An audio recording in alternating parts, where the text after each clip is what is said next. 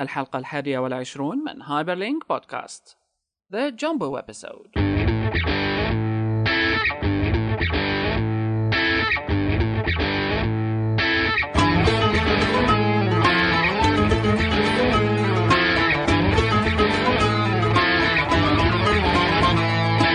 هايبرلينك بودكاست يأتيكم برعاية close2edge.com نحو تحسين الويب في سوريا والعالم العربي. متابعينا في كل مكان. حان موعدكم مع حلقة جديدة من هايبرلينك بودكاست كأنه قلبنا عربي فصحى. حان موعدكم الآن. مع هايبرلينك بودكاست بحلقتنا هي والصوت عالي كثير كأنه المهم. حلقتنا هي ل 2010 هي الحلقة الأولى. أهلا مع وسهلا بداية فيكم. مع بداية العام الجديد بيعلى الصوت. بهالعام هذا الحماس يعني للأخير لأنه حلقتنا هي حقيقة كثير حلقة جنبو نحن عم نسجلها ب 1 1 بواحد واحد بالضبط يعني اليوم الجمعة واحد واحد نحن قاعدين هلا ومسلطنين وعم نجهز لكم هالحلقة المميزة جدا من هايبر لينك بودكاست واللي ببساطة رح نشوف فيها كل شيء صار معنا بالسنة الماضية من هايبر لينك من Maximum. هايبر لينك لا ما صار لنا سنة بهايبر لينك لا بالأحداث أي. اللي خاصة بعالم ال social media new media وال technology وأيضا التنبؤات والتنجيمات آه، شو منجمين. كانت شو كانت اسمها اللي تطلع على الفيوتشر؟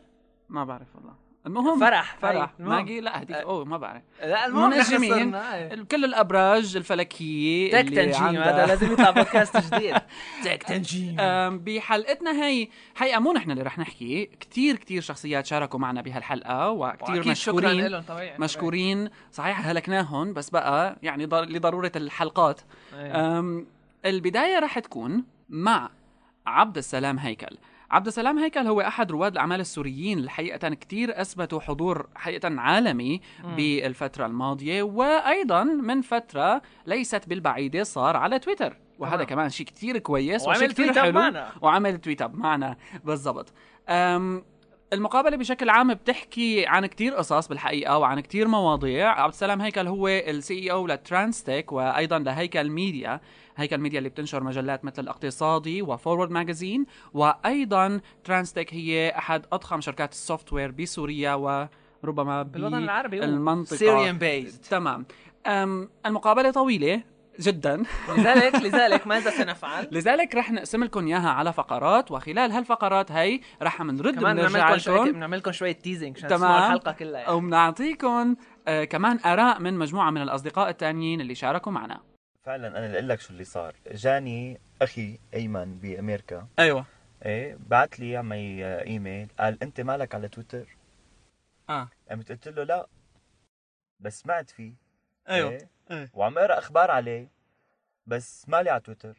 يعني يا دوب أنا على الفيسبوك. إيه إيه. إيه يعني ما عندي activity حقيقية على الفيسبوك غير إني فوت آه، في أصدقاء أو أشخاص عاملين add آه بعمل لهم accept بعدين بتطلع. يعني حتى messaging ما في بينك وبينهم كثير قليل. بعدين لاكتشفت أخذتني وقت لاكتشفت إنه أنت فيك تعمل forward لل message ما أيوة. بعرف إذا صارت اوتوماتيكيا هلأ بس قبل أول ما بلش فيسبوك إيه. كان في option بدك تعمله لحتى يجيك ال message على الإيميل. أيوه أيوه. فالمهم فتت بعد غياب عن الفيسبوك يمكن شي شهرين لقيت ناس باعتين أكثر من حدا. أيوه. باعتين على ال inbox وصار معي يعني أزمة إنه شو ناقص لسه شغلة زيادة فوق التليفون وفوق الإيميل. يجينا يجيك كمان فيسبوك أو فيسبوك تويتر في message ات بدك تقعد تدور إذا حدا عم يبعث لك ولا لا. إيه طبعا طبعا. وفكرت جديا إنه إنه وقف. إنه حاجة. إنه الفيسبوك عمل له deactivation إيه. بعدين لحتى بيوم من الأيام بيتصل في واحد من أصدقائي صار لي مالي شايفه 10 سنين. عن طريق إن شاء الله فيسبوك, فيسبوك، آه إيه. أيوه إيه. ببعث لي إيميل آه، ببعث لي آه، message تجيني وقتها على الإيميل. بيقول لي إنه هو جاي على سوريا وإنه رغبان عن اجتماع قمت لقيتها يعني حسيت بالأهمية البالغة اللي موجودة. تمام تمام. إنه أنت تحولت من آه، شخص physical لك وجود فيزيائي طبيعي كإنسان جسم وكذا. تمام تمام. وتواجده هذا الإنسان هو محدود لأنه بيقدر يكون بمكان واحد. طبعا بأي طبعاً. وقت من الأوقات. لا online presence يعني أكثر من ال email. ال email بدك تبعته لحتى تكون موجود. بالفيسبوك أنت موجود. خلص إيه صح صح. يعني عالم بتلاقيك وبتبعت لك. ف ما كان عندي تجربة ممتازة مع الفيسبوك. امم وبالتالي لقيت حتى انه الناس اللي عم تشتغل فيه هن الجيل اللي أصغر مني. صحيح. هن اللي فعالين فيه. وقت طلع تويتر لقيت إنه هذا الشغلة رح تكون نفس الشيء آه يعني ما كثير لذلك اهتميت لها. لحتى بعت أخي أيمن رسالة إلي ولأخي عمار إنه أنتم مالكم على على تويتر إنه وضعكم سيء. آه. وهو يعني لقول لك يعني عنده الأمور ساكن بأمريكا فامور لا، هي عندهم- الاتصالات أسهل إيه طبعا إيه يعني معه الآيفون تبعه بتجي رسائل وبتروح وعنده ال application تبع تويتر وهي و... خلص مثل الأمور ماشية بسرعة لحالها يعني ما في داعي كتير الواحد يحط بحسبان وصلت ما وصلت إنترنت في ما في وين أنا موجود واصلة مو واصلة. شغالة عنده يعني إيه. تلقائيا المهم سجلت على تويتر بعد ما قال لي أيوه. آه تقريبا من قديش عملت صار الحساب؟ لها شي ثلاث اشهر آه أيوه. أكثر يمكن وقت سجلت يمكن أكثر بعدين قلت لمجموعة من أصدقائي إنه ما لنا حل إلا هذا إلا تويتر. آه. على القليل نرجع شوية اعتبار. رجع شوية اعتبار. هذا إيه. لسه ما عملت ولا تويت. تمام. إيه واجتمعنا آه، كذا كذا واحد. ف سامي سجل وراه سجل سحبان سجلوا كتير عالم؟ تمام. على تويتر. وما في أي activity آه بس هيك إنه بس في حساب. بس. أيوه.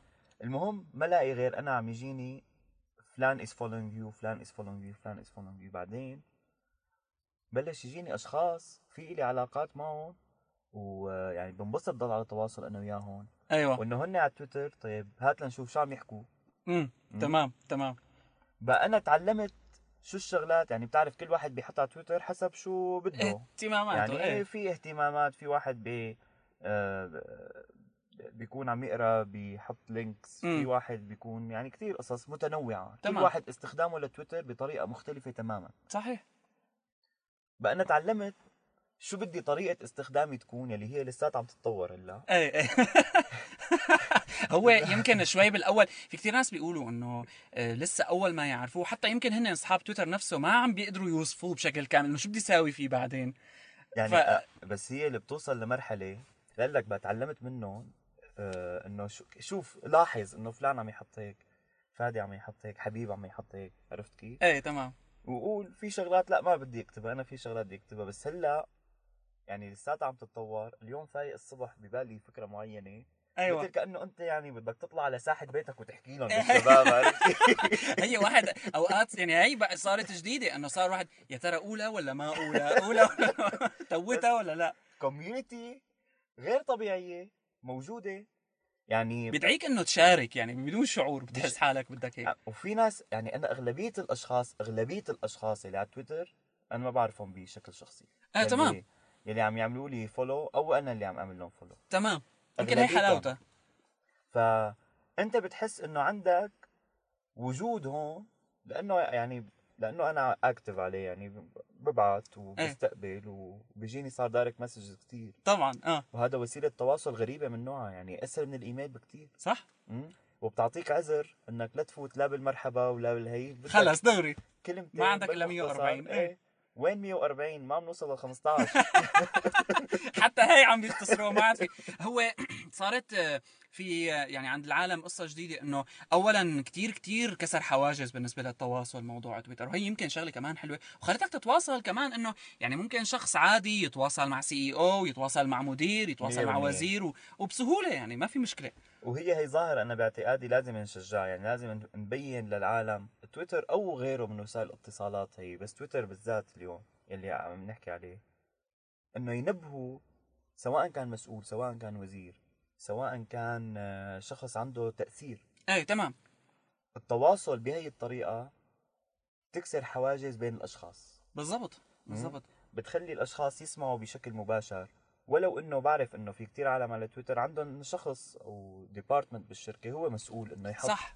حتى نيابة عنهم بشكل شخصي. يعني بيوصفوا لهم ثلاثة أربعة هدول ال...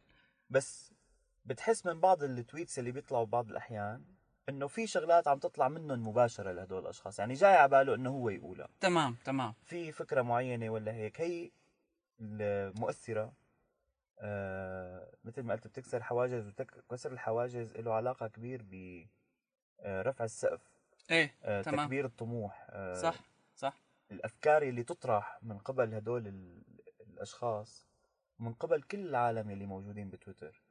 المشاركة فيها ترانسبيرنسي امم فيها تمام. شفافية. تمام. والشفافية كتير مهمة لحتى يكبر الواحد. شفافية كبير مهمة ليوثق بحاله لحتى يشوف شو الأفكار يلي موجودة. يشوف شو رأي العالم بكتير أمور. يعني صحيح. حتى كشركات وأنا عم أدعو اليوم كل زملائي بالشركات السورية اللي أنا على تواصل معهم إنه يسجلوا على تويتر.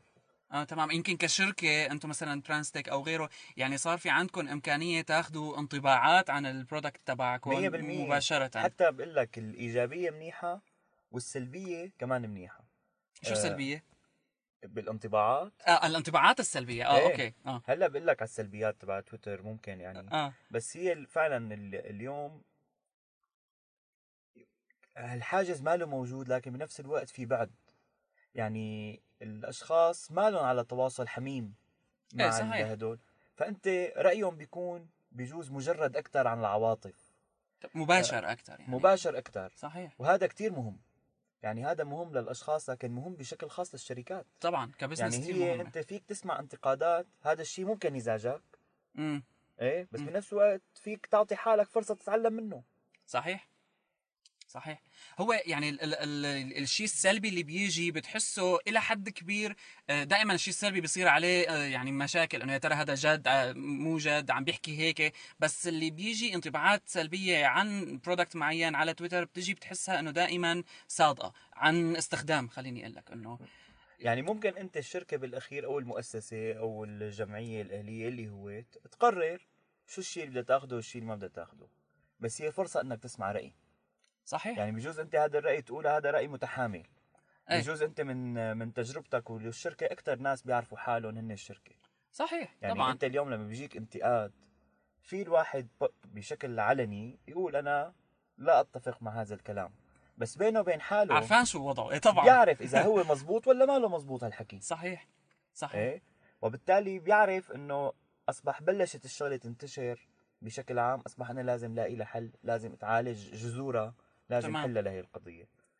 إيه ف من هي الناحية برأيي في إمكانية كتير كبيرة للشركات السورية إنه تقطع مرحلة بالتواصل عن طريق آه، تويتر. تويتر. ومرحلة كمان للشباب السوريين خاصة إنه هلأ اليوم هذا ماله محجوب. تمام. لسه يعني. لهلأ يعني ما له محجوب. ما بعرف ليش ممكن ينحجب يعني آه. يعني أنا ما بتفق مع حجب مع حجب الفيسبوك. تمام. ما بتفق مع حجب يوتيوب يعني لسه ال- اليوتيوب ما بعرف ليش يعني ما في أي هو المشكلة سبب. يعني ما عم تعرف شو السبب وإذا سمعت سبب فبيكون بعدين أو مو واضح. يعني في كتير قصص. في كتير أسباب ممكن تكون وبيجوز البلد عندها ظروف آه، معينة هي لازم تحافظ عليها. لكن بالنهاية أي حدا عم يصنع قرار بشأن هي الأمور لازم يعرف إنه في لفة ودورة حواليها. طبعا. تمام. هو يعني صاير الموضوع إنه موضوع الحجب شائك لدرجة إنه أنت يعني ما صاير بس مثلا مرتبط بسوريا أو مرتبط بكذا في كتير دول صايرة عم تطبق قصص الحجب و... وكل الدول تقريبا هاي اللي عم تطبقها. ما بتقول ليش بالنهاية بس في عندك فكرة متعلقة لأنه في ناس حتى ناس عادية بتأيد الحجب بالأخير. يعني ما لها ممكن تكون مستخدمة وبتأيد لك الحجب بتقول لك ما في مشكلة يعني حتى من الناس. بس آه، كأنه في شيء حاليا عم بيطلع جديد إنه السياسة كلها تبعية الحجب إنك تمنع شيء معين ما رح تفيد بالأخير لأنه إلى حد ما تقنيا ما ناجحة لأنه كله عم بيحاول يلاقي حل بالأخير. وكمان في عندك شغلة إنه يعني العالم بديت تتململ من هالقصص. فيعني لساته شغال منيح. خلص معناته هلأ عنا ما في مشكلة نحن. وعم يعطوا عم يعطوا business يعني الحجب بيعطي business لشركات الفي بي ان وبيعطي حج إيه طبعاً. يعني في شركات بتنشأ قائمة تلاقي- على منع الانتي لحتى, سنسورشيب آه. لحتى تلاقي حل لهذا الموضوع. على كل الأحوال يعني بحجب أو بغير حجب اليوم برايي الشباب بسوريا وصلوا لمرحلة من العولمة. آه. بجانبها الإيجابي. طبعا آه. وإنه جزء منها. آه، مثل تويتر مثل فيسبوك آه، والتويتر أكثر لأني أنا على أو على الأقل بفكر إني بعرف عنه أكثر ف... لا أقول هو بسيط ما لهالدرجه آه، بيعطيك يعني وهذا شغلة كتير مهمة اليوم بالعالم بيعطيك إنه أنت لك هويتك الوطنية إيه أنت يعني سوري ممكن لكن بنفس الوقت تروج. عندك هوية عالمية صحيح صحيح لأنك أنت موجود هنيك وبيجيك العالم يلي عم يسمعوا يعني اليوم مثلا أنا بحط كتير عن سوريا مم. مم. مقالات عن سوريا وأخبار آه، الشغلات الايجابيه اللي عم تصير كلياتها أنا بعملها من من عندي تويت آه، بيجيني عالم بتلاقي كومنتس منهم آه. إنه شوفوا فلان عم يحكي عن عن هذا الموضوع لأنه مثلا ممكن يكونوا هن قاعدين بقعدة أو بجلسة أو بحوار أو طبعا غيره. طبعا. فما بتلاقي غير أنت مجموعة من الناس جديدة صارت تحكي عنك عن شغلة صارت عملتها. صارت تحكي عن هالقصة اللي أنت عم تحكي عليها. فهو شيء مفيد. إذا كانت مهمة القصة وهي جزء من الشغلات اللي موجودة بتويتر المساء وبيطلع لك شغلات كتير جنك إيه إيه يعني طبعا. مو بس الجنك ميل مو بس الشغلات اللي فيها اوتو فيد وهيك لا. بيطلع لك الشغلات اللي حكي ما بتعرف إنه أنت ليش لازم تكون عم تسمعه. صح صح. هاي هي شغلة يعني قلت لك هن نفسهم ما بيعرفوا يوصى يوصفوها مزبوط يعني لأنه داخلة بقصة آه، ليش عم بيحكي هيك هاد؟ أو شخصيات بقى ممكن تجي واحد تضرب على مخه يحط قصص يعني ما لها علاقة. في شغلات بتلاقي حالك أنت براتها تماما بس حلاوتها إنه القرار لك بالأخير. امم طبعا. هو هاي الشغله أنا فيك يعني تبطل تلحقه فيك تعمل له بلوك فيك تعمل اللي بدك إياه. وعدنا اذا إليكم. أعطيناكم هيك آه، البداية كانت مع المقابلة اذا طبعا لسه في كتير. خليكم عم تسمعونا. بمعنى نحن هلأ جبرناكم تكملوا الحلقة. إيه. شو بدنا نعمل؟ هيك آه، سياسة إعلان آه، آه، خارج سياسة سيئة. أم ب آه، هايبر لينك كمان هالحلقة هي طبعا السنة الماضية ب 2009 كتير صار أحداث بعالم ال social media new media وال web بشكل عام بالحقيقة. هلا نحن شفنا السنة الماضية بالمنطقة مثل أو آخر السنة الماضية يمكن صار شوي آه، إذا عم نحكي عن المنطقة. إيه تمام. توجه كتير قوي للمنطقة. يمكن يمكن هال يعني هالأمور هي صار لها أكيد شغالة أكثر من قبل بس يعني يمكن لآخر هالسنة 2009 للقسم الثاني منها لحتى هيك ظهرت على السطح.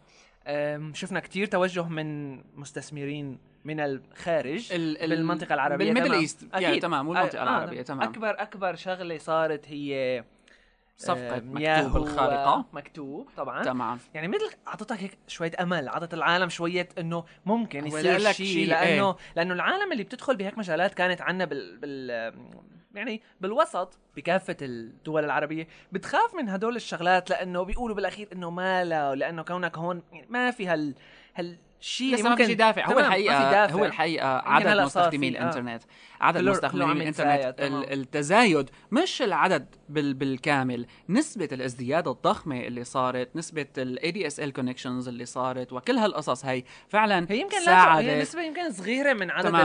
مثل ما عدد بنعرف البشر. بالضبط. بس إنه نسبة زيادة تسارعها يعني كيف؟ هاي الفكرة القوية. آه. وكمان مثل ما بنعرف إنه صفقة مكتوب ما صارت خلال يومين. آه، أكيد، السنتين. ثلاثة اللي قبلهم بلش الحكي بلش فيها. يمكن- ويمكن حتى قبل لكن مثل ما قلنا الدفع باتجاه المنطقة صار لهم عم يحطوا عينهم عليهم الدفع باتجاه المنطقة آم، موجود من زمان. ك كبريدكشنز لل 2010 وال 2009 هي اللي بديتها بالحقيقة لأنه نحن بالحقيقة عم نعيش عقد من ال 2000 لل 2009 مم. خليني أقول لكم أنه كتير كتير قصص تغيرت على صعيد التكنولوجي وعلى صعيد الإنترنت بشكل تمام. أساسي أم رح نسمع هلأ لرأي أحد مم. الأصدقاء حبيب حداد من يملي كمان اللي عمل تمام، ضجة فيما. يتعلق باللغة يعني هي هي الفكرة انه إنه كثير كله اجى ورا بعضه تمام صاروا ورا بعضهم رقم واحد تاني شيء إنه آه مثل ما عم يطلع شيء هيك إنه على ولا طعمة أو شيء آه يعني مثل بالسوري فائس إنه ما, إيه. ما, ما شيء هيك إنه في شيء من إيه. وراه يعني ممكن يصير استفادة ممكن يصير بالضبط. آه آه، خلص فتح يعني باب آه تمام فتح باب فتح تمام. باب اذا نسمع لحبيب حداد و predictions Predictions ل 2010 2010 حصريا على هايبر لينك حصريا بال 2010 بتصور رح نشوف كثير تحرك صوب أول شيء real-time web يعني ال- مثل تويتر أنا application مثل تويتر مثل فيسبوك وغيرها من applications اليوم عم بتحول كثير صوب ال real-time web عم نشوف ال عنا verticals عم عم عم أكثر عم بيصيروا آه، صوب ال communication in real time Google Wave شفنا Google Wave كمان فات آه، جديد على الخط. بتصور بال 2010 حتشوف applications عم بينبنوا على ال Google Wave وعلى غيرها كمان من real-time web including real-time analytics ل real-time communication ل real-time news وبتصور رح نشوف أكثر وأكثر من protocols عم بيطلعوا أكثر من آه، من standards عم بيطلعوا لحد كيف نقدر. نتعامل نحن ك applications مع real-time web وكيف ال blogs كمان يقدروا يفوتوا فيها آه، شغلة ثانية كمان صارت بال 2009 وبتصور رح تكفي بال 2010 هي ال location كل شيء خاصه بال, بال... كل شيء التطبيقات اللي خاصة بال... بالمكان بالمحل. يعني شفنا applications مثل Foursquare اللي هن ذات العالم ذات ال company اللي عملوا شركة اسمها Dodgeball قبل وانشرت من جوجل رجع ذات العالم تركوا جوجل وعم يشتغلوا هلا على Foursquare Foursquare هي application تطبيقها يعني آه، كثير سهلة الاستعمال. ونوع من آه، نوع من addictive يعني واحد بصير مدمن عليها لأنه بالأول بتسلي وبالثاني كمان بتعطي نوع من المعلومات المفيدة. Foursquare هي عبارة عن application بننزلها على التليفون على الموبايل تبعنا. ومحل ما نكون آه، بمكان معين نفتحها بنقول نحن بهالمنطقة. وساعتها أنا في أقول إنه أنا بهالمطعم الفلاني أنا بهال بهالهوتيل الفلاني. آه، وناحية من كأنه عم نعمل check-in على المطعم. وبصير في نوع من المنافسات بيننا وبين غيرنا على مين بيصير مختار المكان المعين. ما نوع من بنشوف عم نشوف كثير application رح يتكلوا على ال locations قلنا Foursquare هي وحده من الأمثال بس في غيرها وغيرها مثل Gowalla كمان مؤخرا. بس لأنه ال mobiles عم فيهم بقلبهم GPS فيهم طريقة كثير آه، آه، سهلة تقدر نحدد المكان. رح نشوف أكثر في آه، تطبيقات عم يروحوا صوب بيستعملوا هال هالمميزه الخاصة مثل ال mobiles. كمان رح نشوف بال بال 2010 أكثر اتجاه صوب ال cloud computing أو أو الحوسبة السحابية. رح نشوف في عندنا كل ال applications تبعنا اللي بنستعملها على على على ال netbook أما على ال notebook تبعنا رح يتحولوا رح يصيروا أكثر عايشين على الإنترنت على ال cloud أه، شفنا Microsoft Office يلي هن معروفين كل بكل بالعشر سنين اللي قطعوا إنه يكونوا أكثر عايشين على ال desktop على ال PC تبعنا.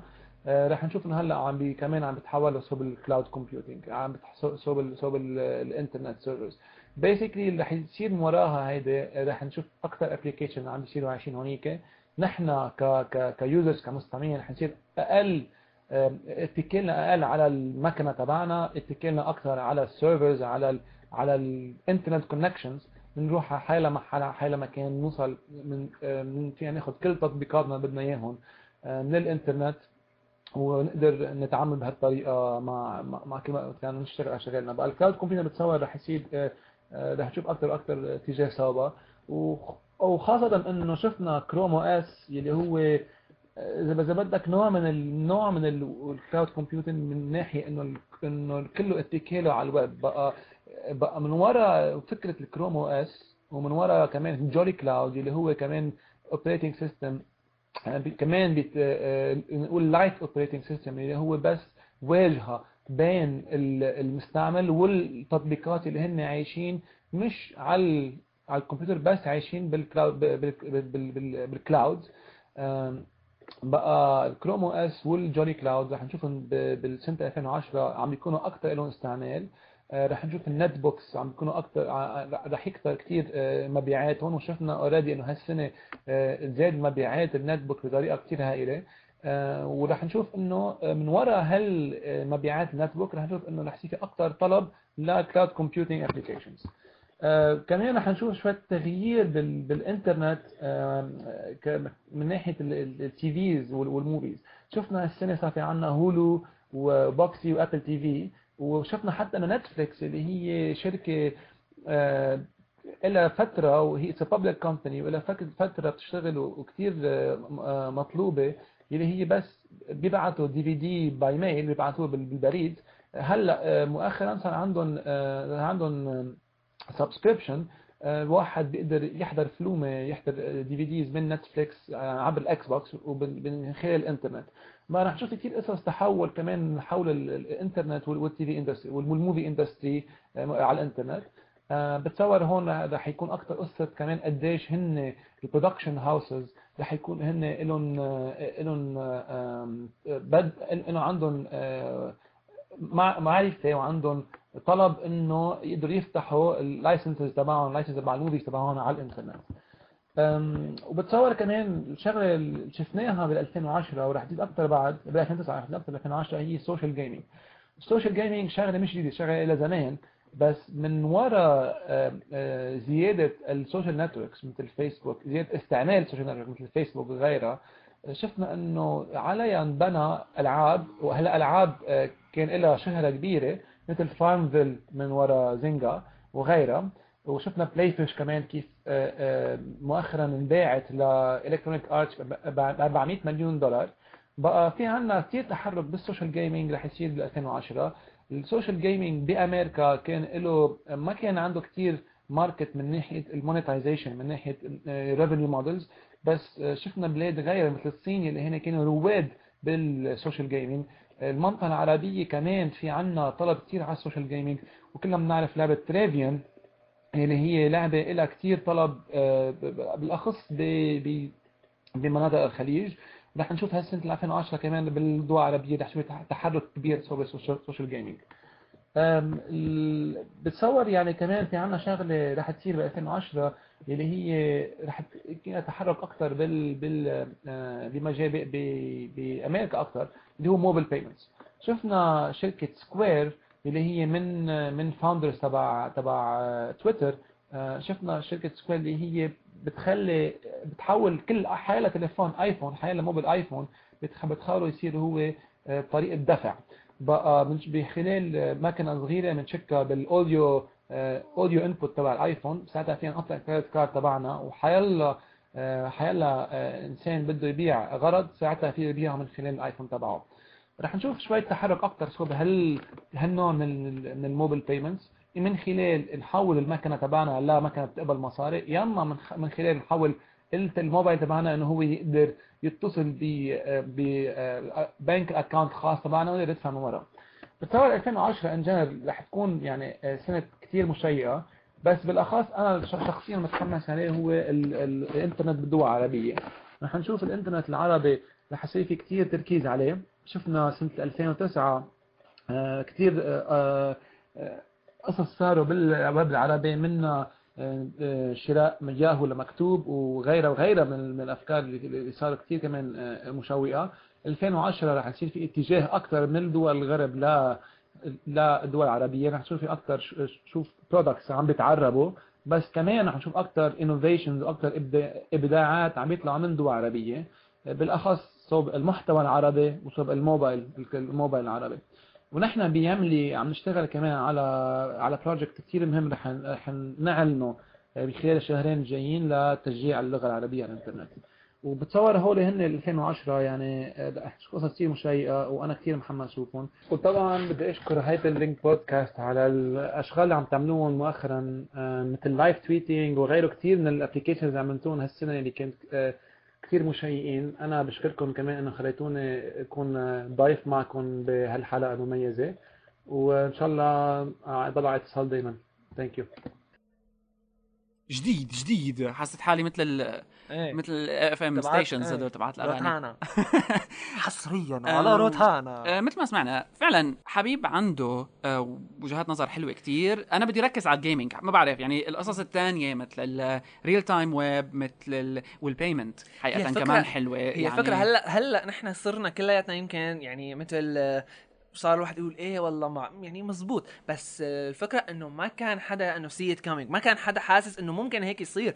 مثل بسرعة كبيرة بسرعة كبيرة. آه لأنه بنص تقريبا أو أول حتى 2009 يعني شو تويتر ما كان هال ما كان هالضخامة. فيسبوك يعني آه okay بس لل close friends وهالحكي هاد يعني يمكن كان بلش هلأ بس هلأ صار على درجة عالية يعني من ال خلص صار حياة آه،. يعني من آه، يمكن شرائح امبارح أو شيء. إنه آه، كلمات مثل tweetup كلمات مثل آه، هن مثل حتى آه. صاروا ب ب Oxford Dictionary عم ينحكى فيهم بأبحاث فإنه آه، ال- ال- ال- ال social effect تبع هالقصص صار كتير ضخم ووصل لمرحلة طلع من ال geeks آه، آه، وصار. بحياة يعني الناس تمام هي الفكرة يعني الشرائح يلي صارت تهتم بهالمواضيع هي ما عادت نفسها نحن من زمان بنعرف إنه مثلا جوجل ما- أكيد جوجل ما صار لهم سنة بيشتغلوا بس مم. يعني أكيد جوجل هذا العقد هو عقد جوجل كمان آه، يعني بغض إيه. أكيد هي لأنه من. تخيل آه، سكاي نت تبع. 2099 ل 2010 هي سكاي سنة- نت أول سنوات. عقد من ال 2000 هي آه، هي جوجل.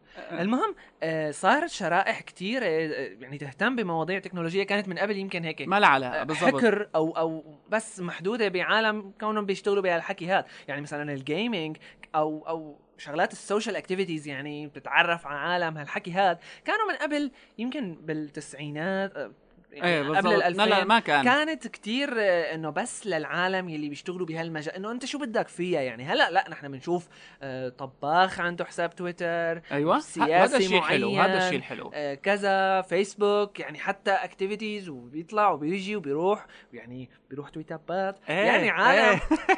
عالم صار كلياتها بدها تدخل على هال- هالمجال لأنه كل العالم شافوه. يعني صار هجوم ما بعرف ليش. بالضبط. غريبة صارت هيك وغير متوقعة. فعلا.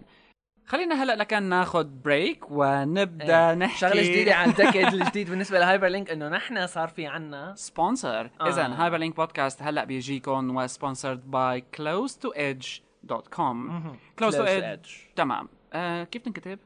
سي إيه كي كلوز تو ايدج سي ال أو اس اي 2 لوز تو ايج اي ما عرفتوها؟ دي جي اي أيوة. دوت كوم كلوز تو اتش دوت كوم هي الشركة اللي بدا فيها صديقنا هشام عاصي وزوجته ديما شيخوني ب استراليا وحديثا هن كمان بدهم يجوا على المنطقة فجهزوا حالكم يعني الشركة. شو بتساوي الشركة بشكل عام هي مثل عن إيش يعني عم تحكوا يا. شباب أنتوا بقى الشركة هي شركه search engine optimization و search engine marketing وأيضا بتعمل investment بمشاريع ويب مختلفة مثل Syrian Tenders وشامليست وغيرها من المشاريع. تمام. هن شباب يعني active و- وخبرة يعني آه تمام أكيد عندهم خبرة أكثر هي لك شيء يعني 14 سنة أو حديثا 15 15 سنة. يعني لك قصة ال search engine marketing وال SEO قديش مهمه نحن أول ما بدينا بقصص الويب بشكل عام لما تشتغل فيها ما كانت لهالدرجة بصراحة يعني قصص ال SEO بس حديثا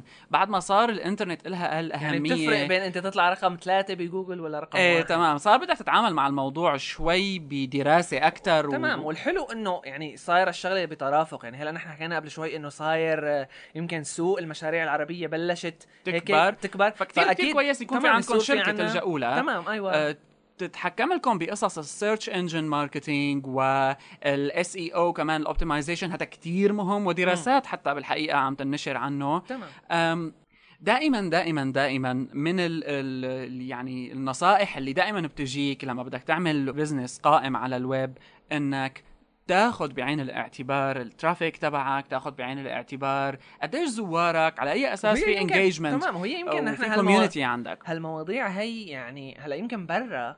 صحيح هلا حتى بالنسبة لبرا آه، يعني هالعقد كان هيك شوي بوم بوم. تمام. مو بس بالنسبة لنا بس آه، بالنسبة لبرا معروفة تقريبا يمكن هالأمور معروفة أكثر نحن عنا شوي لساتها مالها كتير آه، صح، بس- إنه أنت تهتم والله طلع بجوجل ما طلع بجوجل أنا كيف يكون العالم آه، تحسن تجي لموقعي هو أول نتيجة يكون أو صح إنت لذلك. لما وبصراحه يعني كمان ك إذا كنت أنت مسؤول عن content وإذا كنت أنت مثلا آه، ما كتير هالقصص رح تقدر تشتغل فيها لازم يكون في شركات متخصصة أكيد، لهالموضوع. هذا ناس professional بال marketing رقم واحد بال technology رقم اثنين وبالدمج بين هالقصص ما حدا رح يحسن يعمل وهون بيجي دور Close to Edge. ما حدا أي. رح يحسن يعمل business لحاله يعني بدك بدك معاونة. تمام. بمعنى آخر. بدك آه، يعني web strategy ال- ال- ال- الاستشارات المتعلقة بهالموضوع هي آه، دائما لازم تكون يعني يكون عندك مرجع يكون يفيدك في عندك حدا expert لك بالضبط. ويعني لذلك من المفروض على جميع المهتمين إنهم يشوفوا شركات ال SEO ونحن طبعا بنقول إنه نصيحة. شوفوا edge. نصيحة. غير لأنه edge. ال sponsors معنا ها ما لا لا بس عن علاقه جد يعني هن أول sponsor آه، صار ل Hyperlink لا هي الفكرة كثير إيه، يعني ال- كثير دعمونا. تمام الإيمان ب project معين هو كتير ضروري وطبعا هذا شيء كتير مهم. بس الشغلة الثانية شيلكم على جنب هلأ من الحكي الدعائي. لازم يكون في عندكم مستشار بقصص ال marketing خاصة ال online marketing خاصة بقصص ال optimization تبعيت ال search engine خاصة بطرائق تحسين ال ranking تبعك لأنه آه. بالحقيقة أنت لما بدك تعمل website لازم يكون في عندك حدا على القليلة يرسم لك خطة للمستقبل تستفيد من هال website وإلا ال website بصير بلا طعمة. أكيد. بلا تعمل شكرا اذا ل close2edge.com معلومات تانية دائما خليكم عم تتابعوا Hyperlink Podcast خلصنا حكي على ال sponsor وإجا وقت نتابع مقابلة السيد عبد السلام هيكل مع Hyperlink Podcast لحتى ننتقل لقصص تانية وأفكار تانية وحقيقه لأنه الحديث لسه آه، مط من دراسات تويترية لل entrepreneurship مثل ما رح نشوف بعد شوي ونصائح مختلفة أيضا. منشوفكم اذا بعد الجزء الثاني من مقابلة عبد السلام هيكل. بدي آخذ رأيك فيها بالنسبة لموضوع إنك أنت كيف لما بدك تقرأ آه، ك article أو كنت تتابع أخبار. هلأ يعني مثلا كانوا العالم من قبل يستعملوا ال RSS feeds مثلا ويقروا منها مواضيع معينة. هلا بديت ال... بديت اصوات تقول إنه تويتر عم ببدل هالموضوع. هذا بالنسبة لك بدل مثلا بالنسبة لمتابعة الأخبار؟ ولا لسه في عندك قصص؟ هلا لما بيكون أنت عندك آه، على سبيل المثال قدرت تلاحق كل العالم يلي هن آه، مهمين بالنسبة لك الأخبار بيطلعوها والمواضيع اللي بيحطوها. آه. ممكن شوي شوي يحل محله. بس اليوم لنفترض أنا بيجيني أخبار. من حوالي آه، يمكن 100 واحد أنا عامل لهم follow تمام. بالإضافة فيني أعمل search على كلمة سوريا. إيه. وبالتالي بشوف كل مين صاحب. أخبار آه. وباعت أو عم يناقش أو أو أو, أو. تمام. لكن ما بقدر أنا أي يوم إلا فوت على جوجل وحتى هذه اللحظة على Google News. تمام. وقت بحط آه، search على سوريا وسوريا بالعربي وبطلع الأخبار طلعت يومتها. تمام تمام تمام. ما في شيء بحجمها موجود على تويتر. بأي شكل يقارن يعني لا ما في مجال إنك أنت تربطهم ببعض. صحيح. حتى موضوع ال- القراءة نفسه يعني أنت صحيح مثلا كان قبل يعني صار موضوع السرعة عندك إنه هلأ صح أنت ممكن تقرأ عناوين أقل كذا بس بالنهاية ما عم تاخذ قيمة حقيقية من اللي عم تقراه فيمكن يعمل لك الموضوع مشكلة إذا بدك تتابع بعمق يعني لموضوع معين. طبعا. هلأ ال- آه، اللينكس بتويتر مناح. آه. والشغلات اللي حلوة كمان لما أنت بتوثق برأي شخص وبيقول لك اقرأ هي. آه. فهو عم يختصر عليك وقت. إنك تدور صح؟ إنك تدور وفي شغلات فعلا يعني سواء اتفقت معها ولا اختلفت معها مهم إنك تعرفها. طبعا. إيه؟ آه فهي هي حرية المعلومات و اللي مت... اللي متوفرة. وإحساسك إنه هذا الفضاء أنت فيك تتحرك فيه مثل ما بدك هذا مفيد. بس هل هو كامل؟ أكيد لا ما في معلومات كافية اليوم. صح. إيه؟ صح. ممكن بقول لك يعني ممكن شركة أو مؤسسة تقول أنا بدي تابع كل شيء عم يصدر آه بتوبيك معين. تمام. موضوع معين نحن عم نلاحقه بدي بس هي بدها ديبارتمنت بقى. إيه هي بدها يعني عدة هي أشخاص بدك واحد يسحب المعلومات يحللها ويربطها هاي بدها تاخذنا على قصة وينظمها تانية. و... فعلا. القصة الثانية هي إنه سواء على مستوى شركات سواء على مستوى أفراد لسه الاهتمام بهالمواضيع سواء بسوريا سواء بالمنطقة بشكل عام وإن بديت شركات تعمل blog تعمل Twitter account تعمل Facebook account وغيره آه، لسه لازال غير مقبول من ال CEOs لسه حتى الموظفين نفسهم ربما يتململوا منه يشوفوه شيء آه، نوع من مضيعة الوقت. ليش؟ آه لأنه ما في قيمة مباشرة فيه. يعني اليوم آه، بإحساسهم. بالنسبة لهم أيوه. تمام. يعني ايمانهم هن فيها أنه هي ما فيها قيمه مباشره شوف لحتى تستخدمه لحتى تحس بقيمته كشخص. يعني أنا اليوم بالنسبة لي تويتر له قيمة. حسيت فيها تمام. أحيانا بيمرق مثلا نص نهار أو أكثر وبوجود طبعا ال iPhone وعليها مم. آه، شريحة 3G. إيه تمام. هذا كتير بيفيد يعني أنا ال iPhone تبعي ما لها تليفون اليوم هي ما فيها غير 3G. يعني أغلبه للإنترنت أكثر من إنه أغلبه فيه. إنترنت إيميل وال والتويتر تمام بشكل تمام. رئيسي. تمام.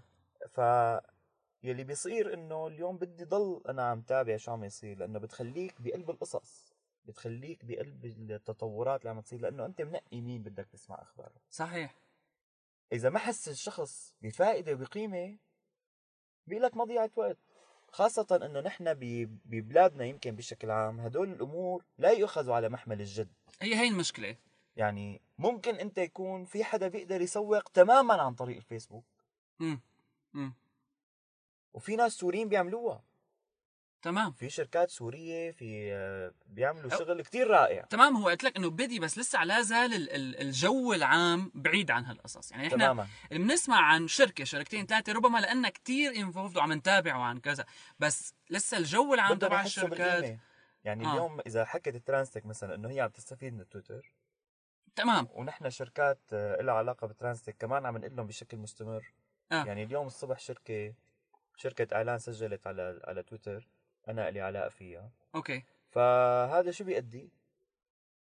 كل ما لها بتزيد. طبعا؟ لأنه بصيروا بيعملوا دعاية بين بعضهم. بدهم يتعلموا بعدين بعدين بصيروا العالم بيتعلموا من بعضهم. طبعا. إيه؟ يعني دعاية وبتعطيك الشغلة الحلوة إنه بيعطيك جانب إنساني للشركة. يعني في شخص عم يحاكي في شيء حكي عم يطلع. صحيح. هي هي يعني كمان إلها ما بعرف بس مثلا قصص اللي إلها علاقة بالسوشيال ميديا وهالمواضيع هي ببداياتها كانت كتير عم بتدور حول الناس. لكن حاليا بديت الشركات ال ال تعمل عليها حسابات ولما بتشوف الإحصائيات بتشوف إنه أكثر حسابات متابعة سواء عن طريق تويتر أو فيسبوك أو غيره هي اللي عملتها الشركات الكبيرة.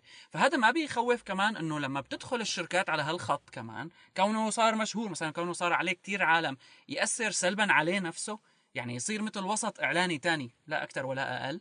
إيه وبيؤدي لتراجع بالنهاية. تمام يعني بس ممكن تدور على حلول تانية أو لكن تصير. وهذا يعني هذا اللي بيخلي الانوفيشن يطلع ويزيد.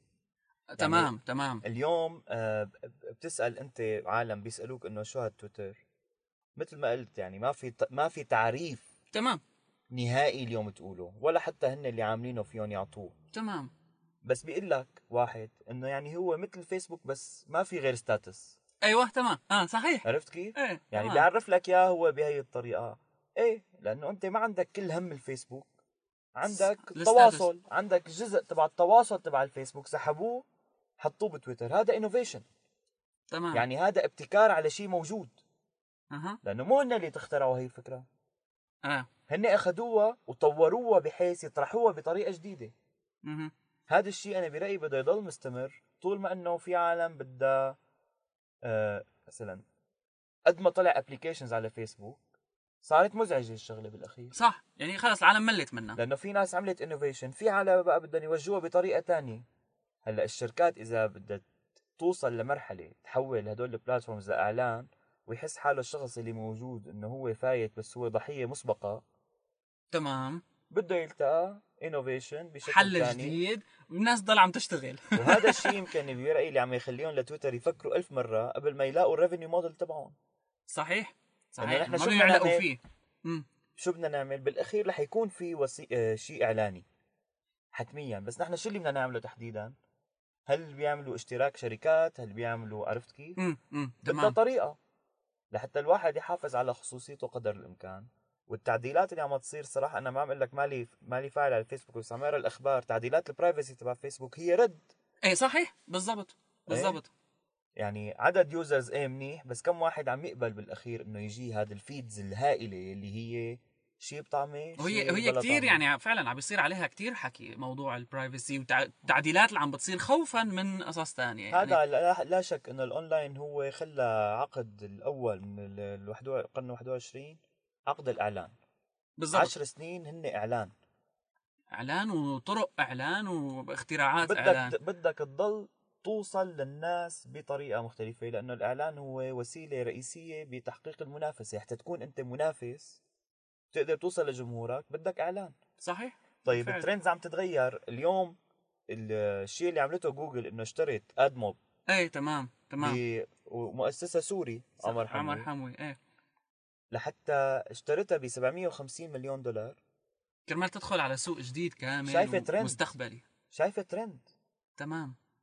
امم يعني ما حتفوت مشان تطالع 750 رح تفوت مشان تطالع 10 أضعافهم. أكيد. 10 أضعافهم يمكن بي... رح تصير يعني. إيه. 10 أضعافهم هن ما بيصيروا اليوم بس بيصيروا بالترند ماشي. يعني اليوم أنت بتطلع من البيت إذا نسيت مفاتيحك ولا نسيت جزدانك يمكن ما تسأل. أما إذا نسيت موبايلك بدك ترجع. لو شو ما صار يعني بدك. وين ما كنت؟ إيه. طبعا. فهو هاد بعدين عم يتحول من دفتر مواعيد لتليفون ل reminder لكل شيء صح. كل شيء عم تعمله فيه. بالضبط. وبكرة الدفع كمان بده يصير عن طريقه وكل ما عم تزيد. هو. مشان هيك يعني إنه بديت تنحكى قصص ال 2010 إنه كله ماشي موبايل كله ماشي موبايل. ما يعني ما بدها القصة صارت كتير. شغلة رائعة وشغلة فيها حرية كتير كبيرة. يعني فيها فيها إمكانية للانطلاق. إيه؟ وسط جديد بقى لأنه كيف إذا هي بتربطك عن طريق انت هذا الجهاز اللي حامله تحول انه انت عندك بيتك فيهم أهلك أمك أبوك أخواتك اللي هو أو مرتك واولادك تمام. عندك community تاني اللي هو شغلك زملائك بالشغل وكل هي العالم عندك شلتك يعني انت بتطلع معهم المساء ولا إيه تمام. وعندك community. تبع الإنترنت تبعك. إيه تويترك. حتى يمكن عم بيصيروا رفقاتك عندك اللي. هو. إيه إيه. عم يصير رفقاتك. يعني اليوم عم أقول لك في يعني في عالم انت بتلتقى فيهم اليوم على تويتر وهن أصحابك بجوز إذا اجتمعت معه بالحياة تقول لا بدي اشوفه ولا بدي أحكي معه. يمكن إيه. هي هي يقول لك كسرة حواجز. يعني أنت صارت بتعرف شو فكره قبل فيمكن بتقدر تتفاعل معه بسرعة أكبر لما بتشوفه للمرة الأولى غير لما بتشوفه بدون ما تعرف عنه شيء 100% بس هي يعني حلاوة ال virtual. احتمال أنت تتفق أنت وياه بس تشوفه واحتمال ما لا، تتفق أنت إيه وياه. طبعا بس ضلوا عم تتواصلوا على تويتر. بس ضل عم تتواصل بعيد لبعيد. ب community تويتر. أنت عم تسمع شو عم يقول وعم يسمعك شو عم يقول صح صح إيه؟ وحتى صح. العالم تتخذ مواقف من بعضها هذيك مرة وصلني link إنه في واحد مدري شو حط تعليق بلشوا ال followers تبعه ينسحبوا واحد ورا الثاني آه عم بيروحوا آه إيه إنه نحن أخي واحد بيحكي هيك ما بدنا نحكي معه ما بدنا نسمع. خلص. خلص عرفت كيف؟ يعني هي القضية مو قضية تويتر بجوز 2010 نسمع شيء جديد مم. تمام إيه؟ تمام تمام آه مثلا جوجل ويف أنا حاولت وفتت إيه. وهي إيه. بس يعني لهلأ ما عرفت أتفاعل معه تمام يمكن هو حالته مثل حاله تويتر إنه خلينا نشوف شو بده يطلع منه تمام تمام ويعني يمكن كمان الاختلاف بالهدف النهائي بس يعني كمان هي صايرة هلأ قصة إنه كل الشركات بتطالع شغلة بتشوف العالم شو بدهم يعملوا فيها وبعدين بتطبقها هلا هذا بي... هذا شيء مهم. هذا شيء كتير حلو مهم بس هذا بيخليني يعني أتساءل عن قصة المنطقة هون. يعني هنيك لاحظ إنه أخذوا آه، مثلا تويتر صار لهم مثلا من 2006 لهلأ ارباحه ما تقارن بالانفستمنت اللي عم بيجي عليه. الشباب اللي عملوه أخذوا مصاري خلتهم كتير يفكروا ويشيلوا ويحطوا ويزبطوا هون عنا بالمنطقة. يعني سواء كان عندك فكرة أو حتى كانت سواء كانت كتير كتير هاي أو كتير كتير فكرة بسيطة صعب كتير كتير إنك تحصل انفستمنت صعب كتير كتير إنك تبدأ وتمشي. لوين نحن ماشيين بهالطريق هذا كمنطقة؟ يعني كله عم بيزبط كله عم بتشوف مثلا مثلا الشرق الأقصى مثلا عندك الصين اليابان كذا هالمحلات بدي يصير فيها هيك قصص وشي خاص فيهم. إلا هون لسه الناس مع إنه في عنا مستعملي إنترنت كتار في عنا وسط إنترنت عم بيتضاعف بسرعة كتير كبيرة بس لسه investment ما في. رح أقول لك هذا الكلام اللي عم تحكيه هو كلام كتير مهم. أنا برأيي وهذا اللي بشوفه بحكم شغلي بقطاعات لها على تكنولوجيا وميديا بحكم شغلي مع رواد أعمال مع entrepreneurs تمام.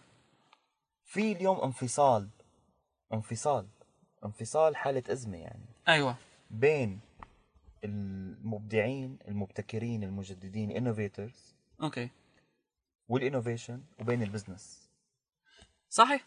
صحيح. يعني ال business ماشي باتجاه آه، ممكن تسميه تقليدي ممكن تسميه أي شيء. innovation ماشي باتجاه آخر.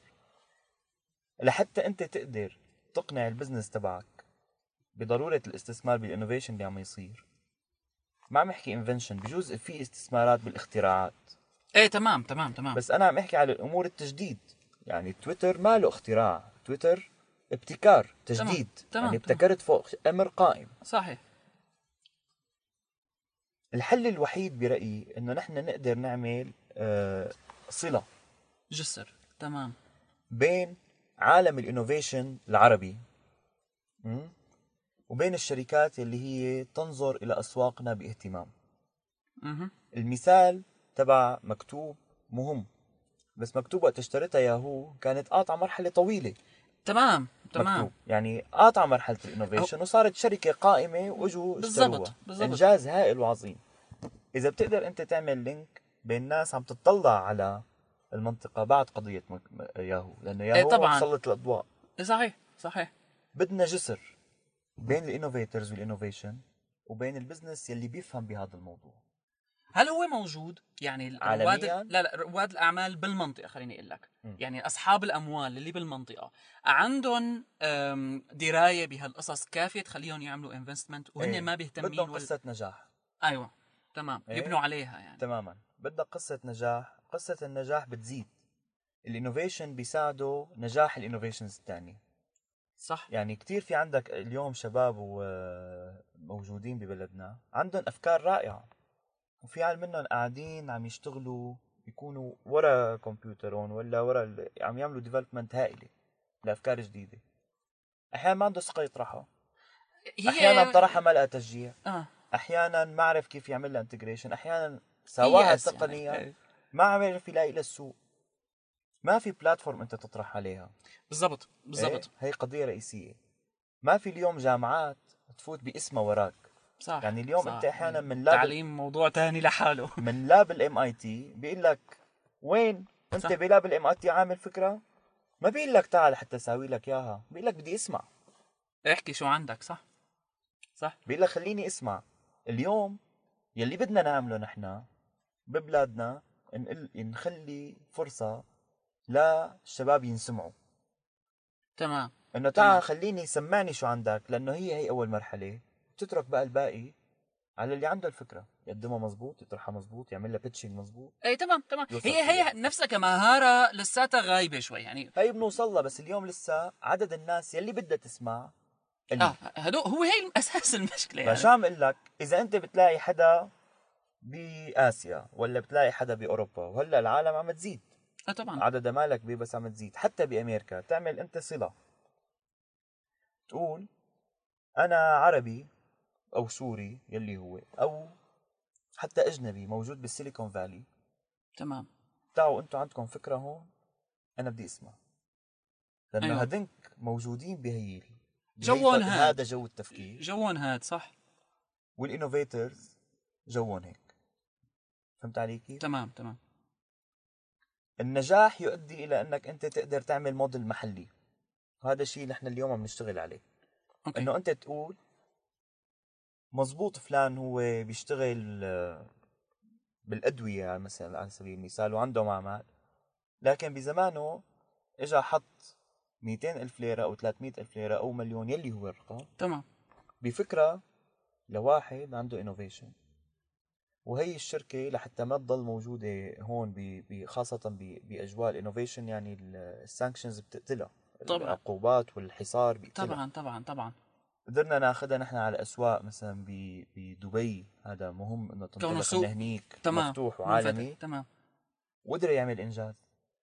مو بالضرورة أنت إنه هو طلع عشرات الملايين منها لأنه حسابها مو هيك. هي هي الفكرة إنه كيف يفهموا إنه حسابها ما بيجي بكرة أو مو بعد سنة أو مو بدك آه تفوت باجواء ال innovation تمام. بس بدك قصص نجاح. قصص نجاح اليوم ما اللي موجودة. يعني شو بيصير فيه؟ بالنسبة لواحد بيفكر بهالمواضيع وبيحاول آه، يلاقي لها مدخل بيلاقي إنه هي القضية البيضة ولا الدجاجه قبل. صح. وبتدور. يعني بدك واحد بقى قلبه قوي يوصل لهيك مرحلة بي- وهذا الشيء اللي بدنا إياه. بتعمل أنت اختراق لما بتقول جينا لعند فلان عامل آه، آه، قرب تويت. إيه تمام. إيه يلي هو وفكرته هائلة. سوقه هون ال niche تبعه كذا. خلينا نشتغل نحن وياه. عنده technology معينة عامل لها innovation خلينا نشتغل نحن وياه. okay. هذا بعد العودة جينا مرة تانية. يعني أم- كلياته الحديث شيق وحديث كمان لا يمل. لذلك رح نقطع لكم اياه هلا. مشان نخليكم مرة تتحمسوا آه. للشقفة اللي بعد الأخيرة. هلا صار دور إيش؟ صار دورنا. صار دورنا؟ إيه. طيب. هلا آه، يعني في عالم كتير بس أوكي. لا يعني الحلقة لسه ماشيه لسه فجهزوا ماشي. حالكم إيه. إيه هلا بشكل عام آه، إحدى يعني- الشغلات اللي كمان لازم نشير إلى إنه شو صار إنه بالفترة الماضية بالفترة يعني. الماضية بال بال 2009 شو صار إنه كيف آه، حسنت شغلات مثل تويتر مثل فيسبوك كيف حسنت تحشد عالم وتقربهم على بعضهم بطريقة يعني حكيتوا عنها طبعا حكى عبد السلام هيكل عن هالشيء هذا بالمقابلة بس بشكل عام يعني إنه كيف حسن آه، شغلة مثل تويتر. كيف حسنت تجيب عالم مع بعضهم؟ كيف إيه بالضبط فعلا. كيف آه، تعمل activities كيف حتى تبدأ مشاريع يعني؟ أو مثلا يصير في عالم ممكن تسأل أسئلة. تتجاوب عليها من آه، أصحاب ال brand نفسهم فرضا هي على شغلات التواصل. المباشر كسر تواصل- الحواجز. هذا آه. على فكرة ما كان موجود ما كان موجود ببدايات هالعقد هذا آه حتى بفيسبوك يعني هلا بفيسبوك أكيد بيساعد كتير وكل هالحكي okay بس بعد ما صار تويتر هيك صار فيسبوك هيك إيه. يعني إيه لأنه ليش يب- صاروا في غيرة من بعضهم بيتعلموا من بعضهم آه، صارت على فكرة. هلا أول ما فتح فيسبوك. كان فيه شيء إنه what's on your mind أو هيك شيء يعني في هيك شيء بس ما كان ما ما, كان ما من- حدا طبقها ما حدا طبقه مزبوط. بهالشكل لما إجا وبعدين تويتر- هو في فكرة إنه إنه تويتر ما هو اللي عمل حاله. يعني بالأخير قديش. قد ما حكينا إنه تويتر تويتر كثير حلو. بس تويتر ما هو اللي عمل حاله. يعني ال brand name وشو ممكن أحداث الأحداث. الأحداث أصلا الاستخدام العالم العالم المستخدمين يعني استخدام. العالم لتويتر هو اللي نقله من شيء لشيء تاني. تمام. هلأ في فكرة هون آه، واللي بالحقيقة هي فكرة كتير مهمة رح نسمعها بعد شوي. خلينا هلا نسمع لتوقعات أحد أصدقائنا سعود الهواوي من موقع تك وورلد أو عالم التقنية واللي بيحكي فكرة حقيقه مثيرة للجدل. رح نرجع بعد مثيرة للجدل. بعد رسالة سعود. توقعات العام 2010 راح يكون يعني يمكن نفس اللي صار في الربع الأخير من 2000 2009 وراح يمتد إلى 2010 واللي هو تمركز الإنترنت حول مواقع وخدمات معينة. واللي اقصد فيها يمكن ثلاثة أو أربع مواقع اللي هي مثلا خدمات جوجل والشبكات الاجتماعية الفيسبوك والتويتر. طبعا آه، راح نشوف ثلاث ثلاث شركات هذه أو ثلاث مواقع آه، راح نشوف تركيزها على السيطرة على الإنترنت بشكل أكبر. مين راح يكون؟ من اللي يستحوذ على؟ آ- آ- آ- أكثر آه، زوار آه، أو مستفيدين من الإنترنت. طيب طبعا جوجل راح تزيد سيطرتها من خلال الاستمرار في الاستحواذ على الشركات. مثل ما شفنا في الأشهر الأخيرة جوجل يعني استحوذت على شركات آه، شركتين أو ثلاث. آه، عندك ال- ال- الفيسبوك قاعد يحقق أرقام خيالية في عدد مستخدمين. آخر آه، آه، رقم وصلنا اللي هو 350 مليون مستخدم. وراح يحاولون آه، من خلال آه، آه، إعادة تصميم الواجهة إضافة خدمات من زي- زيادة عدد ال- ال- المسجلين في الموقع. تويتر نفس الشيء. شفنا في نهاية في شهر 12 من عام 2009 استحواذهم على شركة.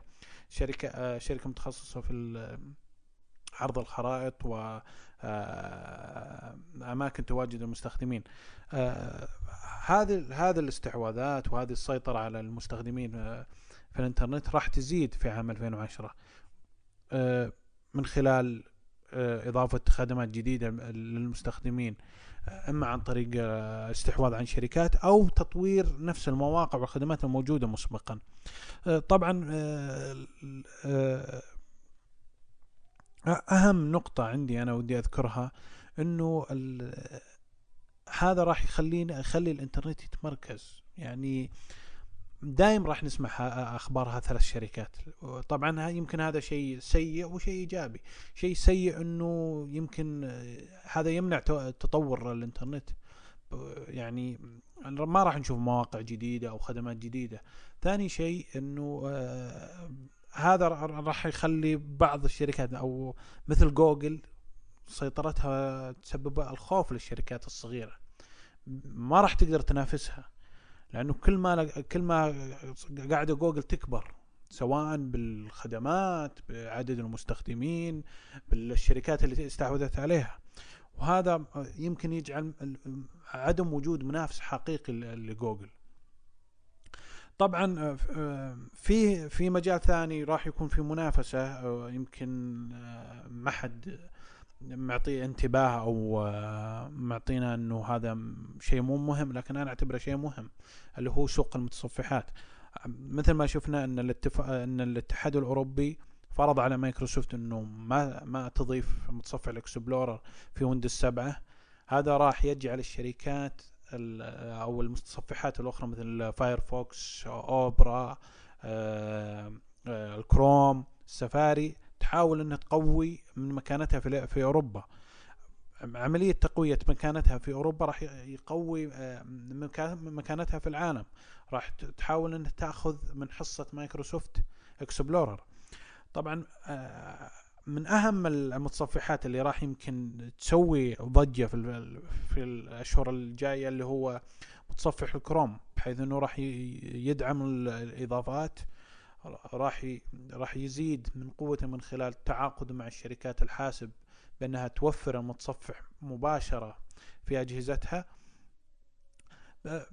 وأتوقع وأتوقع إنه ان جوجل ما راح تكتفي من بهالمتصفح.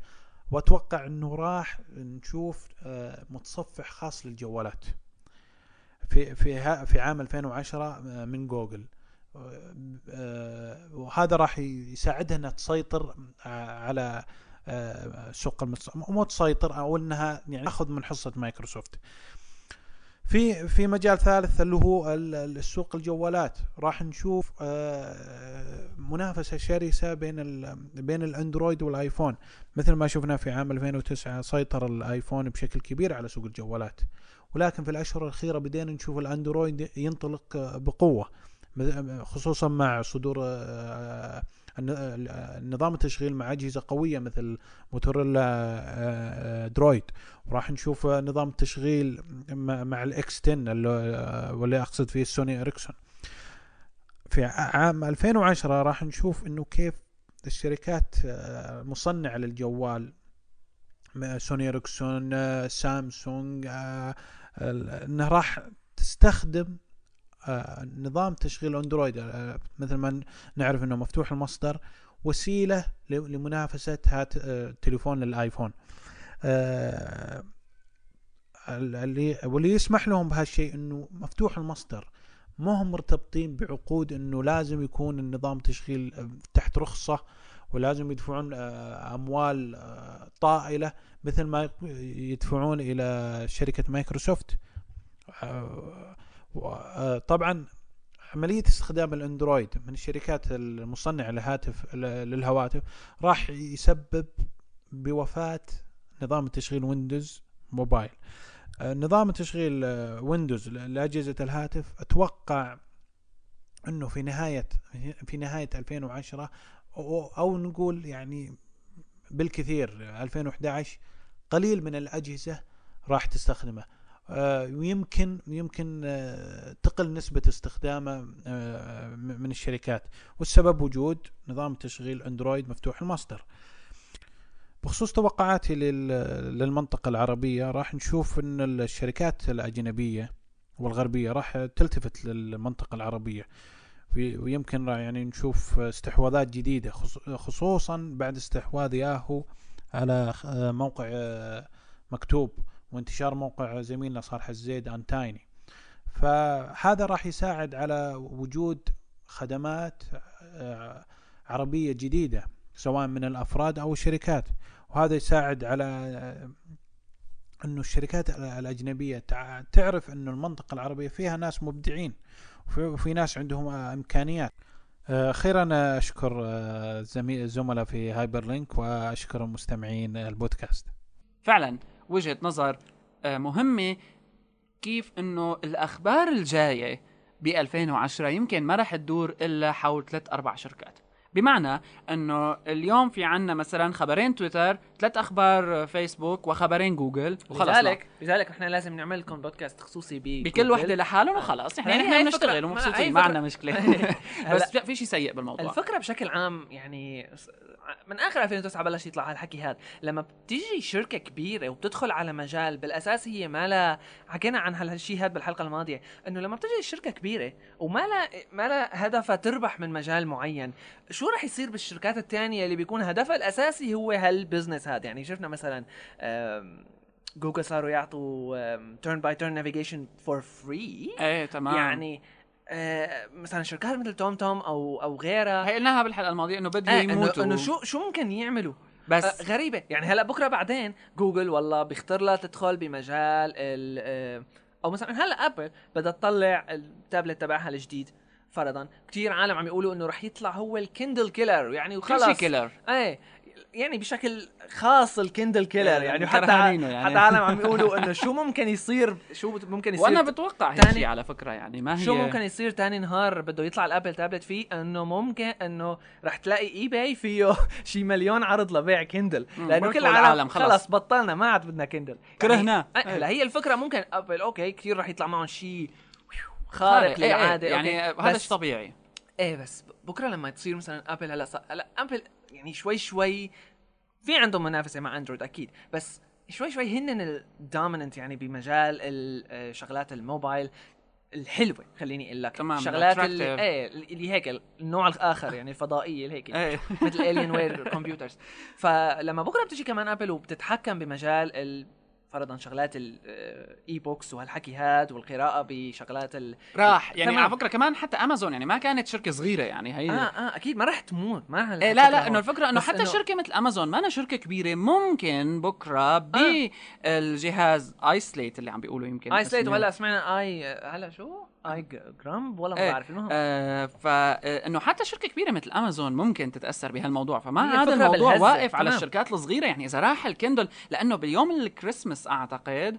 آه كان آه، مبيعات الكتب على Kindle على أمازون؟ أعلى. من المبيعات الحقيقية. وهذا شيء. هيوج بالنسبة أكيد. لأمازون. يمكن هذا اللي كانوا عم بيشتغلوا كرماله من البداية. أكيد. فهلا تخيل أنت ببداية العقد الجديد بيطلع لهم وإيمتى هالشي يطلع لهم- ب 26 الشهر. جهزوا حالكم لحدث من أبل. وهو اللي بده يمكن ينطرح فيه the. next big thing من عندهم.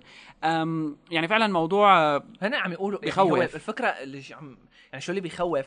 إنه عم يقولوا هذا آخر شيء عمل خارق رح يطلع من ستيف جوبز. تمام. آه يعني أنت لما خلص كونه ستيف جوبز هو يلي رح يكون قائم على خلص هالمشروع قاد ثورات. إيه فأكيد هي الثورة رح تطلع. وهي هي الفكرة اللي كمان بتخوف كوننا نرجع لموضوعنا الأساسي إنه رح تصير شركة واحدة إلى يعني مثل إلى إيد بكل مو شيء مو مو بس هيك يعني هلا مايكروسوفت من زمان إلى ايد بكل شيء بس لا لا و- هي. المسيطرة وبسيطرة. على هالمجال وهذا هذا. شيء طبيعي يعني حتى نكسوس اللي اليوم نزل آه، review video له من واحد إيطالي كان يمكن له، آه. وكان أم، له بس انمحت يمكن محوها ال-. ال- ال- اللي شفناه بالفيديو إنه الأسلوب تبع ال unlock القصص هي كلياتها كله مستوحى من اليوم شفت الايفون video ل product review لنوكيا اي مدري إيش اللهجة إيه. عن جد بتضحك مثلها تبع الإيطالي إيه. تبع ف... ايجور ف... فلما أنت عم بتشوف إنه عم بيستوحوا من ابل إلى حد ما شخصيا العشر سنين الماضيين هن عشر سنين أبل مش عشر سنين مايكروسوفت صحيح مايكروسوفت كل شيء إلها وكل شيء هلأ يعني العشر سنين الماضيين شفنا فيهم أول ما طلع مثلا هلا موضوع من شوي قلنا 10 سنين الماضيات كانت سنه جوجل هلأ الويندوز إكس بي. لا لا هلأ هلأ ما ما. قصدت هيك العشر سنين الماضيين جوجل حسنوا يعملوا شيء كتير ضخم بعالم الويب هي صار في عندنا بس مثل بعالم الكمبيوتر بعالم ال computers. بشكل عام اللي عملته أبل لأنه بال 2001 بلش ال iMac وال iMac. عمل نقله كمان ضخمه جدا بعالم ال personal computers وكمان إجت قصة ال iPod كمان مم. اللي بال أعتقد كمان بال 2001 فكل هالقصص ورا بعضها غيروا سوق الموسيقى غيروا سوق الحواسب غيروا سوق ال user interface بشكل عام آه، بال Mac OS. غيروا اعت... أنت يعني غيروا شو ممكن تتوقع أنت من product معين بسعر معين. وال mobiles تمام، أخيرا. أكيد. من زمان يعني يمكن حتى بال... قبل ما يطلع الآيفون يعني مثلا 2003 2002 ما بتتوقع أنت تحصل على شيء مثل مثلا بلاك بيري أو هيك بأقل من 1000 دولار أو أو هيك شيء إيه، طبعا كانوا يعني غالي كتير كان غالي كتير والانخفاض اللي رقم صار على. فكره بالأسعار ضخم هاي الفكرة مع إنه صار في أزمة مالية صح. على أساس يعني إيه. ما الواحد بيعرف شو صار يعني مع صح. أساس ما معكم مصاري بس إيه. ليك عم تبيعوا برخيص هو معناته معكم مصاري كمان طلعت فكرة آه. الاعتماد على ال- اللي حكاها حبيب فكره ال- ال micro payments مثلا بديت يعني هلأ أخذت شكل جديد بالكامل بس كمان كانت موجودة قبل إنه بيع رخيص وبيع آه. بس بكميات ضخمة, ضخمة، تمام. وعالية. iPhone apps هي يعني لكن أكبر على صعيد. مثال على هذا ال iTunes Store كله. بالضبط بالضبط. يعني حتى شوف ال music يعني كله آبل. آه لكن هلأ على صعيد تاني اللي ممكن نحن نتوقعه آه ولا لكم هاي بلاها. خليني خليها بعدين لنسمع رسالة. شغلتين بلا إيه لأنه لأنه خايف يشتوا والقصص كتار يعني نحكي فيها. خلينا نسمع message من صديقنا محمد بشير من الجزيرة Talk بيحكي فيها عن شوية predictions متعلقة بقصص إعلامية ب 2010 العام على فكرة نحن ب الحالي الجديد. 2011 يوم 1 1 2011 رح مثل نطلع دفاتر الحسابات. إيه ممكن. ونشوف كل واحد حكى صح ولا غلط فيعني ديروا بازل بالكم. كلاود عملوا هلا إيه، اخر تمام. اخر ابيسود هيك يعني عن جد شغلة حلوة كانت. إيه حلقتهم ال 1100 مو حلقتهم ال 21 خلينا نسمع الطريق. من محمد بشير. آه، بالنسبة لتوقعاتي لسنة 2010 سأركز أكثر في في حديثي على المنطقة العربية. آه، بعد طبعا الصفقة الكبيرة شراء آه، ياهو لمكتوب سيكون هناك أو بدأ الكثير من الاهتمام العالمي بالمنطقة العربية. آه، ستبدأ الكثير من المشاريع الجديدة على الإنترنت المخصصة للمحتوى العربي وللجمهور العربي. آه، ستنشأ الكثير من الشركات الناشئة العربية. يوجد دعم من الكثير من الشباب العرب الذين بدأوا بهذا المجال خصوصا المهتمين بالتقنية وتطوير المجال التقني. آه، حتى بعض المؤسسات ال- خصوصا في مجال الإعلام الجديد أو المؤسسات الإعلامية آه، ستتجه أكثر للجمهور العربي. ستطور الكثير من الخدمات لشبكة الإنترنت. آه، أتوقع أن الإعلام الجديد أو إعلام المواطن والشباب بشكل كبير على الإنترنت سيكون لهم الكثير من التأثير خصوصا مع ال- انتشار أجهزة الهواتف المحمولة بشكل أكبر وتوفر الإنترنت بشكل أكبر. آه، سنرى الكثير من الفيديوهات سنرى الكثير من الأخبار. آه، ستتبنى مؤسسات إعلامية وناس مهتمين بالإعلام. بعض ربما بعض الإعلاميين أو الشباب أو تحاول أن تتنافس على أصواتهم أو جلبهم ليكونوا مصدر لأخبارها خصوصا في ظل صعوبة الحصول على المعلومات في بعض المناطق وكذلك أهمية الكثير من المناطق. أه، أتوقع بال- بالنسبة للمحتوى العربي سنحتاج أكثر للتركيز على الهواتف المحمولة سنحتاج حتى نأخذ دورا أكبر أن أن نواكب التقنيات الحديثة الأجهزة المحمولة أجه- أجهزة قارئات الكتب أه، حتى ما ربما ستنتجه شركة أبل جهاز أبل تابلت سيكون عليه الكثير من التطبيقات. بدأت القليل من الجهود المشكورة. أتمنى أن نرى الكثير والكثير من الشباب العرب آه، أتمنى أن نرى تركيز أكثر. ستفهم الكثير من الشركات أهمية الإنترنت خصوصا لجيل الشباب وسيتوجهون إليهم عن طريق الإنترنت سيكون هو الوسيلة الأسرع والأقوى للتأثير من جميع الجهات. شكرا لكم. okay. طبعا كمان خليني أقول لكم مو العقد الماضي الثلاث أربع سنين الماضيين بدءا من 2005 الميديا كلياتها انتقلت وإن يعني انقلبت راسا على عقب هلا حتى بمجال بالكامل. تمام حتى بمجال يعني شغلات غريبة كأنه شوي آه 2009 أو 2008 ما بعرف ايمتى بلشوا يطلع تبعات الإعلانات تبعت أبل Get a Mac تمام فيعني هلا. هل فكرة هل يعني هلا من زمان في إعلانات وأبل وإعلانها بالثمانينات قبل اي على ها. على الابل وإعلانها الثوري و... مم. و- ومدري مين عم يزت وما بعرف شو إيه. فالفكرة هلا إنه بي- صار نوع جديد من الدعايات صارت مثل أساليب جديدة يتبعوها الشركات يعني هلا مثلا في شغلة جديدة كأنه ما بعرف ما بعرف إذا كان هيك من زمان مسموح مو مسموح ليش هيك عم يصير إنه يسكروا صار في بالحرف جرأة. صار في جرأة كأنه مم. أو يعني لأنه احتدت المنافسة بشكل ضخم تمام. بالحقيقة رقم واحد وثاني شيء إنه ما عاد في غيرهم. يعني هلا مثلا مين وهن عم يلعبوا بين بعض عم يكسروا آه، رأس بعض يعني. مين في, مين في عندك مثلا بالأنظمة بي بينحكى عنه بشكل عام غير إنه لينكس هو المسيطر بعالم هذا بس بشكل عام ويندوز وآبل. يعني ما في غيره ويندوز، إيه. إيه يعني هلا ويندوز هو ال dominant أكيد بس آه، يعني مين في بيناتهم منافسة إنه هذا أحسن من هذا ولا هذا أحسن من هذا لا حتى بنتذكر ال- اللي اللي بينحكى أول ما طلع ويندوز تمام. أول ما انحكى عن الليبرد وكان وقتها فيستا يمكن آه، بالكينوت اللي قاعد يحكي فيها ستيف جوبز هيك بالحرف يحكوا آه، على آه. ويندوز عندهم الميل عم آيرو. يقلدوا واو. الايرو لما شفنا دعايات هي الفكرة ماك تبعت أنا بي الفكرة, سي فكرة الدعايات تبعت جيتها ماك كيف كمان كيف شفنا مثل هيك انزعجوا. منهم مايكروسوفت زيادة عن اللزوم اللزوم وطلعت دعايات. وبنات صغار وما بعرف شو وكذا. إيه بس يعني ال... يعني صار في هو هو حلو. يعني بالنهاية أنت انبسطت خلال الفترة الماضية. أكيد بس يعني هلأ صارت هاي فيك تسميها مثل نقلة بمو- بمواضيع ال advertising. يعني هلأ مثلا بعد ما عملت هيك Apple بنوع إعلاناتها اجينا مثلا شفنا إنه Droid راح ضرب ضربتها ضربات. ضرب. إعلان Droid does وإلا شوي بيقولوا يلعن أبوك يا iPhone يعني إيه، إلا إيه، شوي. فعلا. فموضوع إيه سواء على مستوى إعلاني اذا وسواء على مستوى media ك coverage بشكل عام أكيد التويتر خلال السنتين الماضيين. هو الميديا صار ال real time بال coverage عن طريق الويب هي الميديا هي ال SMS رسائلها صارت حقها فرانك. كل لا زالت ال major channels عنا يعني عم مصرين على إنه مثل الجزيرة مثل العربية مصرين على إنه ال SMS مصدرك للأخبار بالوقت اللي آه، ناس تانية مثل CNN بلشوا يحطوا ال Twitter name تبع كل آه، مقدم برامج تمام. مع البرنامج. وهذا كتير كتير شيء سيء. اذا إذا بدنا نحكي على المؤسسات الإعلامية الموجودة حاليا. عنا. عنا طبعا إيه لأنه. هلأ الفكرة إنه صار كتير يعني كتير صارت surveys وكذا إنه منين أنت مصدرك الرئيسي من الأخبار يعني غريب إنه. نسبة عالية بتقول لا وعم مو بيتفننوا عنا. صاروا عم بيعطوا MMS حتى مو يعني عنا هون. بشكل عام إيه لا حتى عنا ما عاد حدا هلأ برا بيقولوا لك صار كتير. يعني عند أغلب العالم صار مصدر الأخبار الرئيسي هو تويتر يعني هلأ بتشوف كثير surveys صارت كثير عالم عم يكتبوا شو صار معهم ب 2009 blog post كذا. مختلفة.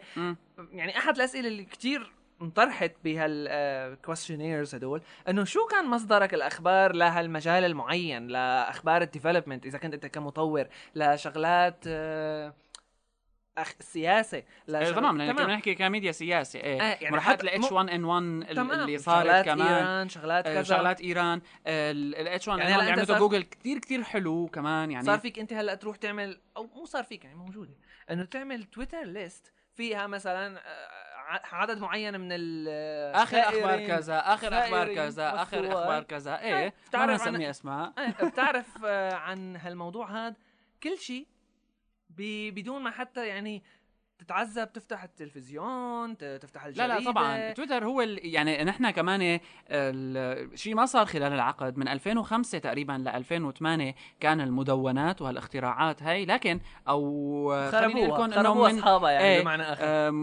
أم، وال 2005 أو قبل حتى يمكن بصراحة المدونات وهالقصص هاي إجاك بال 2005 البودكاست آه، اللي عم تسمعوا له هلأ إيه. البودكاست كان كلمة اللي اختارتها بظن اوكسفورد ككلمة العام. ب 2005 وكمان بعده شوي هالقصص خفت وإجاك تويتر لأنه بسيط لأنه سريع لأنه real time تمام. ثلاث كلمات هن حقيقة بيميزوا تويتر حاليا بتغطية الأخبار ولا نشوف شو ممكن يصير كثير عالم بيحكوا سيئاته وما بعرف شو إنه مم. أنت هلأ صرت تقرأ one liners headings هي خلص ما بقى. موجودة. هي- هلأ هي في لها سيئات بس أنا برأيي يعني الحسنات بالموضوع إنه أنت شو ممكن خلص سيطر ما صارت- فينا نقارن بصراحة يعني إيه إيه بس يعني إذا بدنا نحكي شوية هيك إنه بشفافية وبشغلات آه، إنه نحن فلاسفة إيه آه، اللي صار إنه قد ما حكيت إنه والله تويتر بيأثر على القراية وتويتر قتل ال blogs وكذا.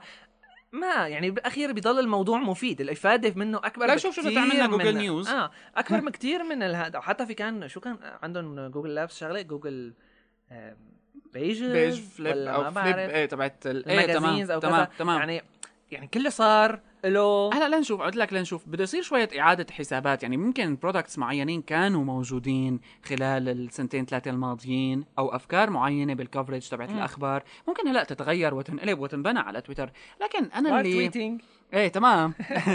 لكن ولا لكم كثير كثير عم بتراجع عن اليوم.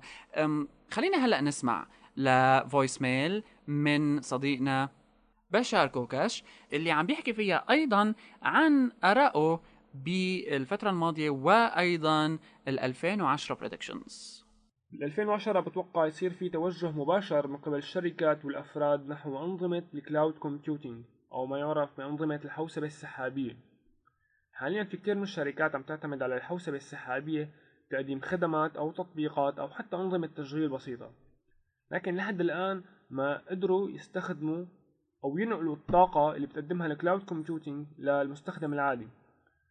بتوقع بسنة 2010 آه، الشركات رح تعتمد بشكل كتير كبير على الأنظمة السحابية. ال user experience رح تتغير. المستخدم العادي رح يحس بالفرق لما يستخدم أنظمة تعتمد على الحوسبة السحابية. رح ينتقل لها شوي شوي ورح يتخلى عن أنظمته التقليدية. بالنسبة لأنظمة تشغيل أجهزة الموبايل آه، رح يكون في تنافس كتير كبير بين iPhone و Android المعتمد بجوجل. آه، وعلى الرغم من الغموض الكبير حول Windows Mobile 7 لكن آه، ما. شخصيا ما بتوقع يكون في شيء آه، يضاهي الثورة اللي طلعتها iPhone بأنظمتها آه، على مستوى الخدمات وال social media بتوقع Facebook و Twitter هن رح يكونوا مسيطرين لكن فيسبوك رح يكون مختلف آه، فيسبوك هو بيملك أكبر آه، قاعدة مستخدمين وعدد كبير من التطبيقات لكن مع هيك تلاحظ في ملل مقارنة ب Twitter Facebook بالفترة الماضية استحوذت على كثير من الشركات لكن حاليا ما أطلقت أي خدمة جديدة بتوقع.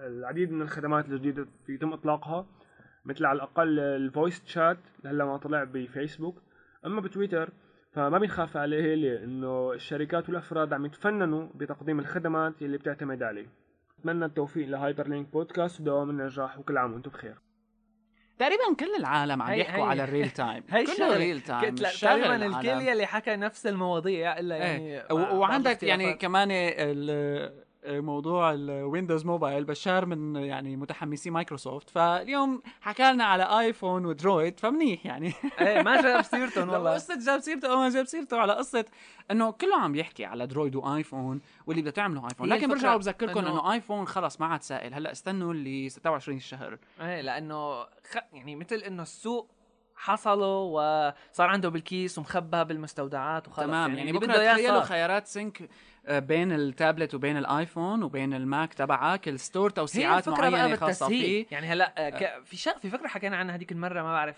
آه، بأي حلقة إنه كل ما كانت الشغلة بتسهل كل ما كانت الشغلة تبعك أنت بالأساس سهلة يعني. كل ما really easy really إيه، easy مثل ما بيحكي ستيف يعني. جوبز really بال keynotes تبعه wow وكذا. يعني إيه. كل ما ما بعرف الشغلة كأنه فيها شوية آه، تنويم مغناطيسي أو هيك. إيه، إنه إيه. خلص أنت بتقول يعني أنت ما في داعي يفكر. يعني أنت بالأخير ممكن مثلا بكرة يطلع لك ليش لت... هيك شيء دعاية؟ ليش لا تروح وتفتح تقعد على الكمبيوتر وتفتح جيميلك؟ بينما أنت فيك بإيدك مدري شو يخترعوا لك اختراع. فأنت بتقول بعدين مثلا بعد خمس سنين إيه والله شو هالشغلة؟ إيه هو نحن- لأنه- يعني خلص عودوك أنت شو اللي هن هو بصراحة لأنه يعني. كله متجه نحو الموبايل وال netbooks. مم. ال netbooks لأنه صغار والموبايل لأنه صغار. ال netbooks كمان ما له نقلال لأنه بيقوموا بقصص بيقوم فيها ال PC العادي وبيقوم فيها الموبايل وصغار ولا ولا ولا تابلت ولا نفس الشيء ولا ما بعرف. هلا حسب الشخص. يعني هلا شوفوا اللي حقيقة كتير كتير نستناه هو التابلت تبع ابل لأنه باسلوب الإدخال ال on-screen keyboard اللي موجودة فيه رح ينقال إنه يعني الشائعات. هلا فيها شيء جديد. قالوا فيها شيء مو طبيعي ما لك متوقع. مش touch مش touch اللي بنعرفه نحن بآيفون أو وما- ال multi-touch هي صارت شغلات تمام. هلا شفنا نحن كتير samples أو أو هيك مثل predictions لشو ممكن مثل اللي يكون. عملتها التايم مثلا عملت هيك لا قصة. هلا آه، عملوا عالم مثل شغلات آه، توقعات لأنه شو ممكن يكون ال Apple tablet تمام. بالذات فشفنا إنه عالم شي بيحط لك آه، note آه، keyboard صغير هيك مايكروسوفت كمان عملت prototype هذا تمام. لازم ما ننسى ولا نشوف. شو ممكن يجي؟ منه. Courier والله نسيت شو اسمه بالضبط. آه المهم يعني دفتر آه،. Courier كورير مايكروسوفت كورير يمكن. آه دفتر بصير تابلت ما بعرف شو يعني ص- آه، بس الفكرة هون إذا بنرجع لورا شوي اللي ممكن شوي هيك تخوف أو كذا حكيناها كمان نعيدها مرة أخرى.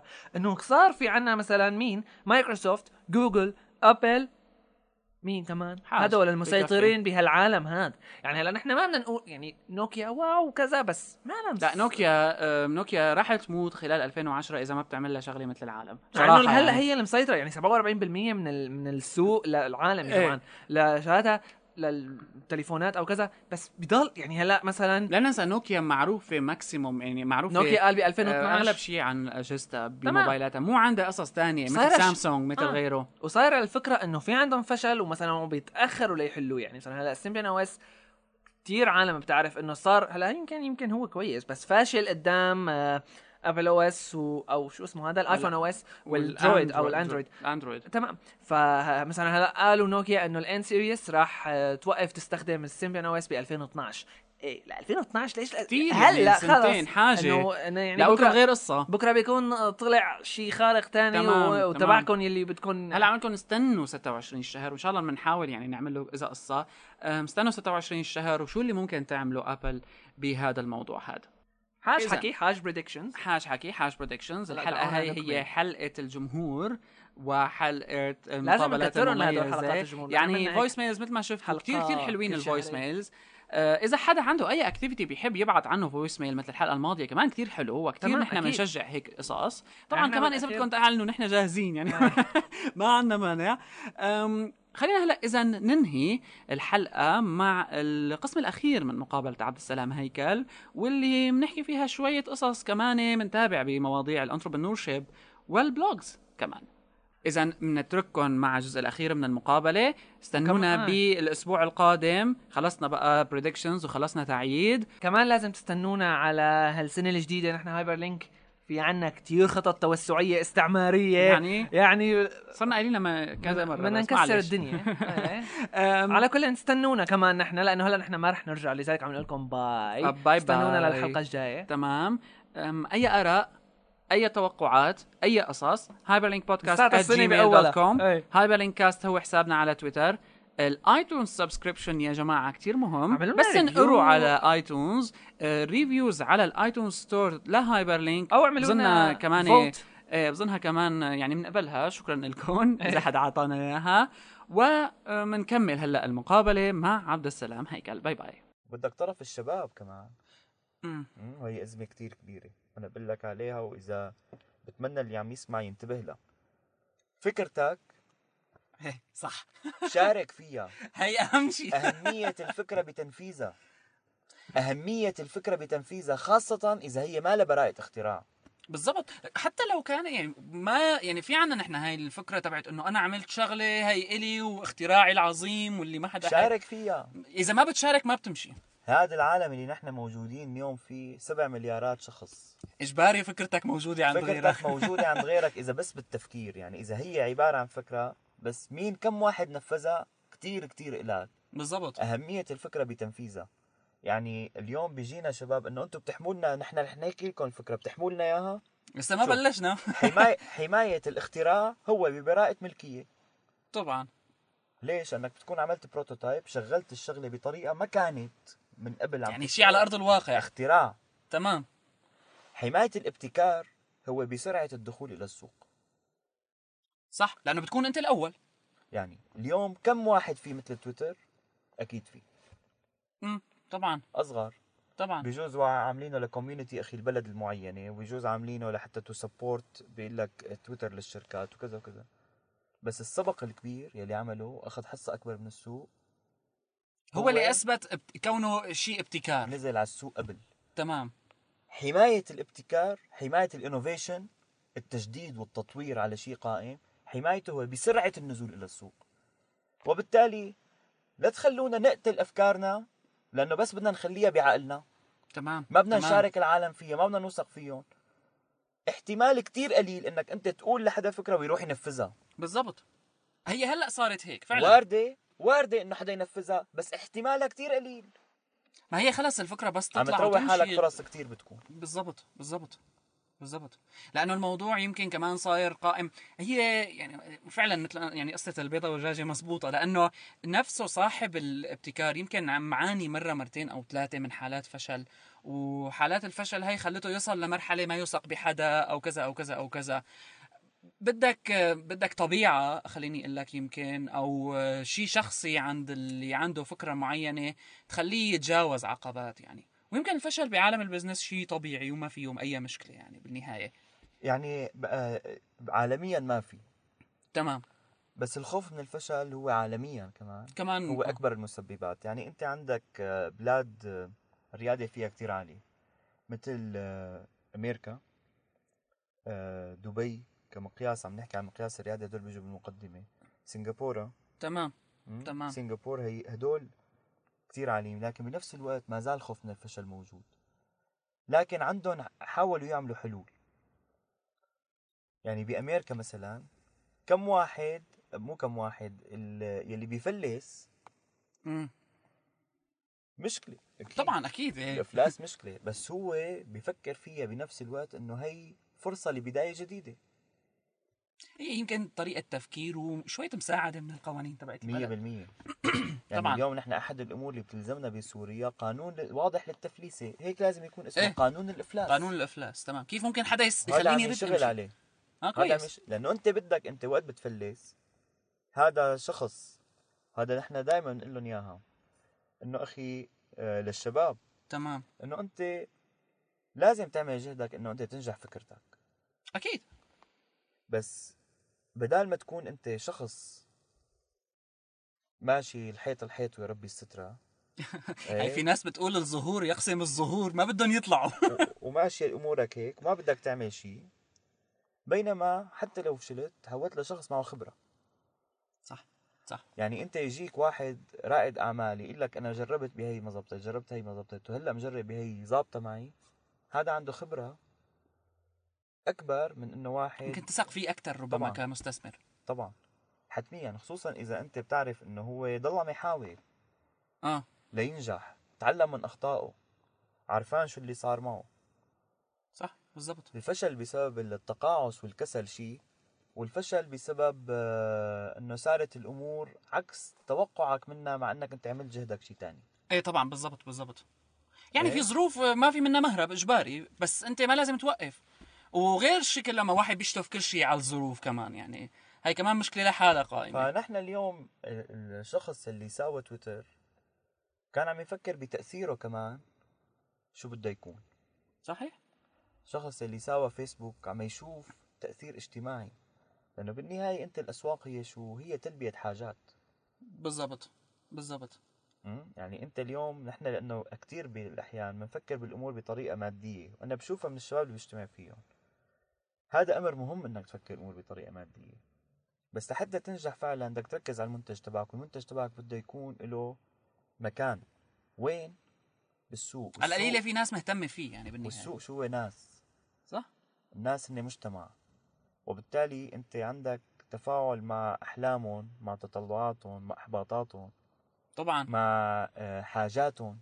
هذا الشغلة الرئيسية والأولى. وانت اي شيء بدك تفكر فيه بدك تكون عم تفكر بهذا الموضوع.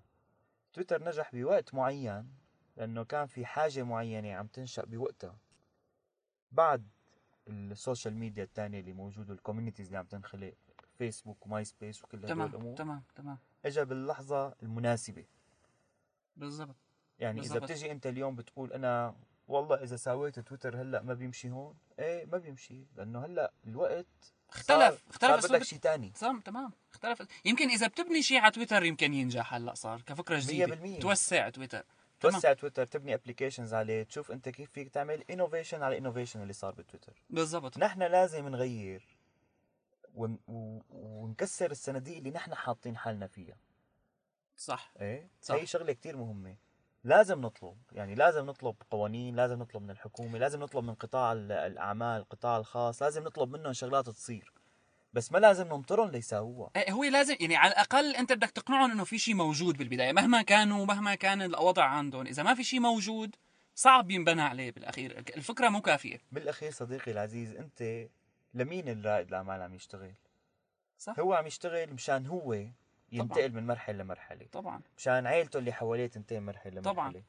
هي الشغلة إذا ما قدر يعملها ما حيزعلوا لا الحكومة رح تزعل ولا القطاع الخاص رح يزعل. طبعا. أنت عليك من نفسك. فأنت مسؤوليتك الأولى هي تجاه نفسك.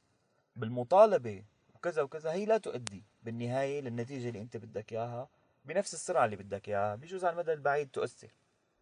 بس إذا أنت بدك تنجز اليوم شوف كيف أنت بدك تغير شوف أنت كيف بدك تكسر معتقدات. مو ذنبك إنك أنت نشأت عليها بس هلأ واقع. إيه تمام تمام بالضبط. بدك تتعايش معه يعني بالأخير. بدك تكسرها هي الحواجز اللي انت بانيها حوالين حالك وبدك أنت أول شغلة تغير وتسعى إنك تغير. تغير بنفسك وتسعى إنك تغير. بالضبط. فعلا تغير. بنفسك وتسعى إنك تغير حديث 2010 يعني هيك كتير كويس لأنه فعلا ال- الناس سواء عنا يعني من بنشوفهم أصحابنا كذا في كتير ناس عندها أفكار بس ما عم تعرف كيف بدها تشتغل أو عندها مثلا الفكرة الفلانية أو عندها الفكرة المسبقة الفلانية الغلط أو أكيد الظروف كمان جاية ضدها شوي كبلد ربما مو بس بسوريا حتى برا سوريا في ناس بدت تتململ من وضع عندها لأنه صار السوق بيتطلب منك أه، نمط أه، تعامل مالي معين مختلف صار مو تقليدي يعني. 100% بالضبط. هي لك الدافع الذاتي اللي موجود عند الأشخاص هو اللي بيحكم التطور. تمام. لأنه يعني حتى بال- بالتعبير السياسي بيقول لك الثورة تنشأ من شخص تنشأ من شخص جمع ناس بنفس الفكر. صح. يعني صح. هذا أمر بيغير مجتمعات. يعني اليوم انت عمر حموي لما ساوى ادموب غير اتجاه الإعلان. إيه مزبوط. يلي كان قاعد وصفن وقال تويتر اليوم في عالم كان ما- عم اقرا مقالة من من شيء من شيء أسبوع إنه كيف عم يصير replacement عم يغير طريقة تعا- التعامل مع الإيميل. إيه إيه إيه. اليوم أنت كنا نحن نقول إنه شوفي كيف كانت حياتنا قبل الإيميل. نحن ما بنعرف شو اللي ممكن يجي يتغير. يعني جيل عن جيل عم تختلف القصص بكتير إيه. كلها بس بتنبع من وين؟ من شخص. مزبوط من فرد. لازم يتبناه الإنسان أكيد. آه لازم يكون في جامعات أكيد. لازم يكون في قطاع خاص أكيد. لازم يكون في حكومة عم تدعم وهيك. بالنهاية هي شخص. أنت شو بتعمل؟ مزبوط فعلا. بالنهاية الشخص اللي قدر يخترق هدول الشغلات. يتجاوز وما عم أقول هالحكي أنا لحتى نظر على العالم يلي هي ظروفها صعبة؟ لا. لا لا طبعا طبعا. الظروف حاكمتك نعم. أنت اليوم إذا أنت حاسس حالك آه، مسجون بحدودك الشخصية هي مشكلة. مو أنت اللي ساويتها هي نشأتك هي محيطك هي البلد هي مدرستك أكيد. صح. بس هذا اليوم واقع. شو بدك تعمل فيه؟ يا بتخليه يرجعك لورا يا أنت بتتجاوزه. 100% يعني قد ما انتقدته الانتقاد ما بيغيره. صح. بالعكس بيزيد عليك كل ما وبيعلي لورا. لك الحيطان اللي حواليك وكل مالك انت بترجع لورا تمام. وبتتقوقع وبتضمر صح فعلا يعني كتير كتير حلو هالكلام. إن شاء الله بقى يعني العالم بالسنة الجاية يصير عندها هالموضوع أفضل وأفضل وأفضل وتمشي لقدام أكثر لأنه بن يعني في ناس عندها فكر هون وفي ناس بالمنطقة بتحاول وبتشتغل وكذا بس بقي التحويل لأنه شيء مؤثر عالميا أو 100%. على المنطقة. يا سيدي بقول لك نحن أنا برأيي نحن ورثة حضارة ما حدا بيقدر ينافسنا بهذا الموضوع. صح. صح فعلا. مشان هيك أي حدا سوري أو لبناني أو فلسطيني آه تبعته أو أردني بتقول له روح أنت عيش ببيئة مناسبة بيطلع معه إنجازات هائلة. طبعا. طبعا. هذا التراكم اللي حوالينا آلاف السنين هذا موجود فينا إجباري. ما راح يروح يعني. ما في ما يروح هذا جزء منا حيط الجامع الأموي جزء منك. صح؟ فعلا. إيه؟ آه آه آه كنيسة القديس بول جزء منك. هدول ما بيروحوا. حضارتك هي. هدول جزء منك. أنت مو ضروري تكون برا لحتى تبدع عليهم. اليوم بالتواصل اللي موجود الإنترنت تفتحها العالم مفتوح قدامك. خلص ما عندك حدود. فعلا. إذا ما قريت بجامعتك فيك تقرا هون إذا ما عندك وسائل تتصل أنت بكتير عالم عن طريق تويتر في قوائم هلأ يحطوا لك إياها مثلا مين الفنانين اللي موجودين على تويتر؟ قائمه صار فيك توصل لمين ما بدك يعني؟ هويات أونلاين. فيك تحاول. إيه؟ فيك تحاول. وأنا بقول لك إياها للتشجيع لكل اللي اللي ممكن يكونوا عم يسمعوا. آه ستيف جوبز. مم. يلي هو آه أبوه البيولوجي هو سوري اسمه عبد الفتاح جندلي. من تمام. حمص تمام تمام. ستيف جوبز هو غير العالم. فعلا. قصة نجاح مثالية يعني. آيبود غيرت العالم. أبل يعتقد إنه هي اللي بلشت بال graphical interface يعني لا لا مزبوط إنه يعني غيرت الأسلوب التفكير بهيك قصص بالكامل. بالكمبيوتر اولا طلع من أبل ورجع عليها. آه ورجع بقصة نجاح. عمل بعدين بيكسار يلي هي غيرت تاريخ ال animation. ال animation بالعالم. مزبوط الايبود الآيفون إيه؟ زلمة ما وقف يعني فعلا إنه والآتي حتى أعظم. طبعا. زلمة inspiration بكل النواحي. أنا اللي بقول لك يا أنا ما في أي معرفة شخصية بيني وبينه. تمام. بس أنا متبادل أنا وياه إيميلين. لأني okay. لقيت إيميل على الإنترنت وبعثت له حسبت الوقت الصحيح إنه إمتى لازم يوصل الإيميل لحتى ياخذ عشان- انتباهه. أيوه عشان فرق الوقت يعني زبطتها. فرق الوقت وفرق إنه إمتى لازم يقرأ. وأنا في بيني وبينه إيميلين. واحد منهم اللي عرض انه هو يشارك بشركة animation سورية وقال لي هو وجهة نظره بالموضوع. تمام تمام. أنا اللي عم أقوله إنه العالم هذا عالم مفتوح. فيك تصل لمين ما بدك. إذا هيك تصل لمين ما بدك. يمكن فعلا. على الأقل إذا ما وصلت فيك تحاول. وكافي. يمكن. يحولك بدون ما تنتبه لشخص تاني يفيدك بالأخير. يعني ممكن يحولك وممكن تضل عم تحاول. أي. ودائما علي السقف. دائما علي السقف. ما تخاف يعني. كل ما بتوطي السقف كل ما بيكون بالأخير إنجازك محدود. طبعا. علي السقف وعاشر العالم اللي سقفه عالي. طبعا طبعا. إيه؟ امبارح كنت عم أحكي فيها واحد بده يكون صقر بده يقعد مع صقور. إيه طبعا. بده يكون حمامة. إذا بده يقعد مع حمام. بياكلوه صقور خلينا بس نقول. فعلا. بس حتى أنت عيشة مع صقور أصعب. بدك تعلي قد ما بيعلوا. وبدها منك تعب كتير. إيه. العيشة مع الحمام أسهل. بس بالأخير الصقر بيقلب حمامي. امم فعلا. بيرضى بالتوقعات الموجودة. خلينا نعلي السقف لأنه الشيء اللي ممكن يطلع خاصة من بلدنا من هون. أنا بإحساسي من الشيء اللي عم شوفه يعني أنا عم أحكي عن واقع أنا عم أحكي عن عن أفكار انوفيشن موجودة بسوريا. خارقة صح. خارقة صح صح. خلونا نعمل قصة نجاح خلونا نطلع خلونا نحكي وخلينا نكون واثقين من حالنا ومن قدرتنا. وأنا برأيي بنعمل تغيير وبنعمل فرق بس إذا بننوي هذا الشيء إنه يكون بدنا نعمله وبدنا نساوي فعلا فعلا. okay لكن شكرا كثير لك. ما مفكر تعمل blog وتكتب فيه ولا بتويتر بكفي؟ أه لح لك أنا بكتب بالمجلات فمشان هيك آه، اي يعني إنه مثلا تجمع كل أغراضك ب blog خطر واحد. بالي إني أكتب blog. الشغلة اللي ما بخاف يلي بخاف منها هي الالتزام. يعني إذا ما في انتظام إيه تمام. بالموضوع امم بخاف منه. وللأسف يعني ما قدرت جربت أعمل blog. ضل أي. محطوط شي أربع خمس أيام. ما اي وقفته بعدين لأنه لا تويتر أسهل. خلص خليها تويتر أسهل يعني بعدين صغيرة أول شيء ثاني شيء يعني إذا غبت ثلاث أربع أيام ترجع بتقول له ما تاخذوني يعني طبيعته كتير informal صح يعني مزبوط طبيعته كتير غير رسمية. إيه مزبوط ال blog لا يعني شيء إنه مثل مقالات رسمية والعالم تستنى منك بدها. انتظام يعني. اللي بده يقرأ لك لكن بيقرأ ب Forward مزبوط بيقرأ ب Forward أو بالاقتصادي. تمام. آه يعني إذا بيعمل search بيطلع في مقالات موجودة حتى بمحلات تانية محطوطة. okay. فبتطلع يعني بس أتمنى إنه أوصل بوقت من الأوقات إني أقدر أعمل لا ضروري يعني كمان حلوة المقالات إذا بتجمعها كلياتها على الأقل إنه ما بتكتب له لل blog بشكل خلص إنه بس كل ما تكتب تحطها ببلوج تطلع حلوة كمان يعني. والله شجعتني. إيه لا لازم يعني. شكرا كثير لك شكرا كثير لك شكرا. جزيلا.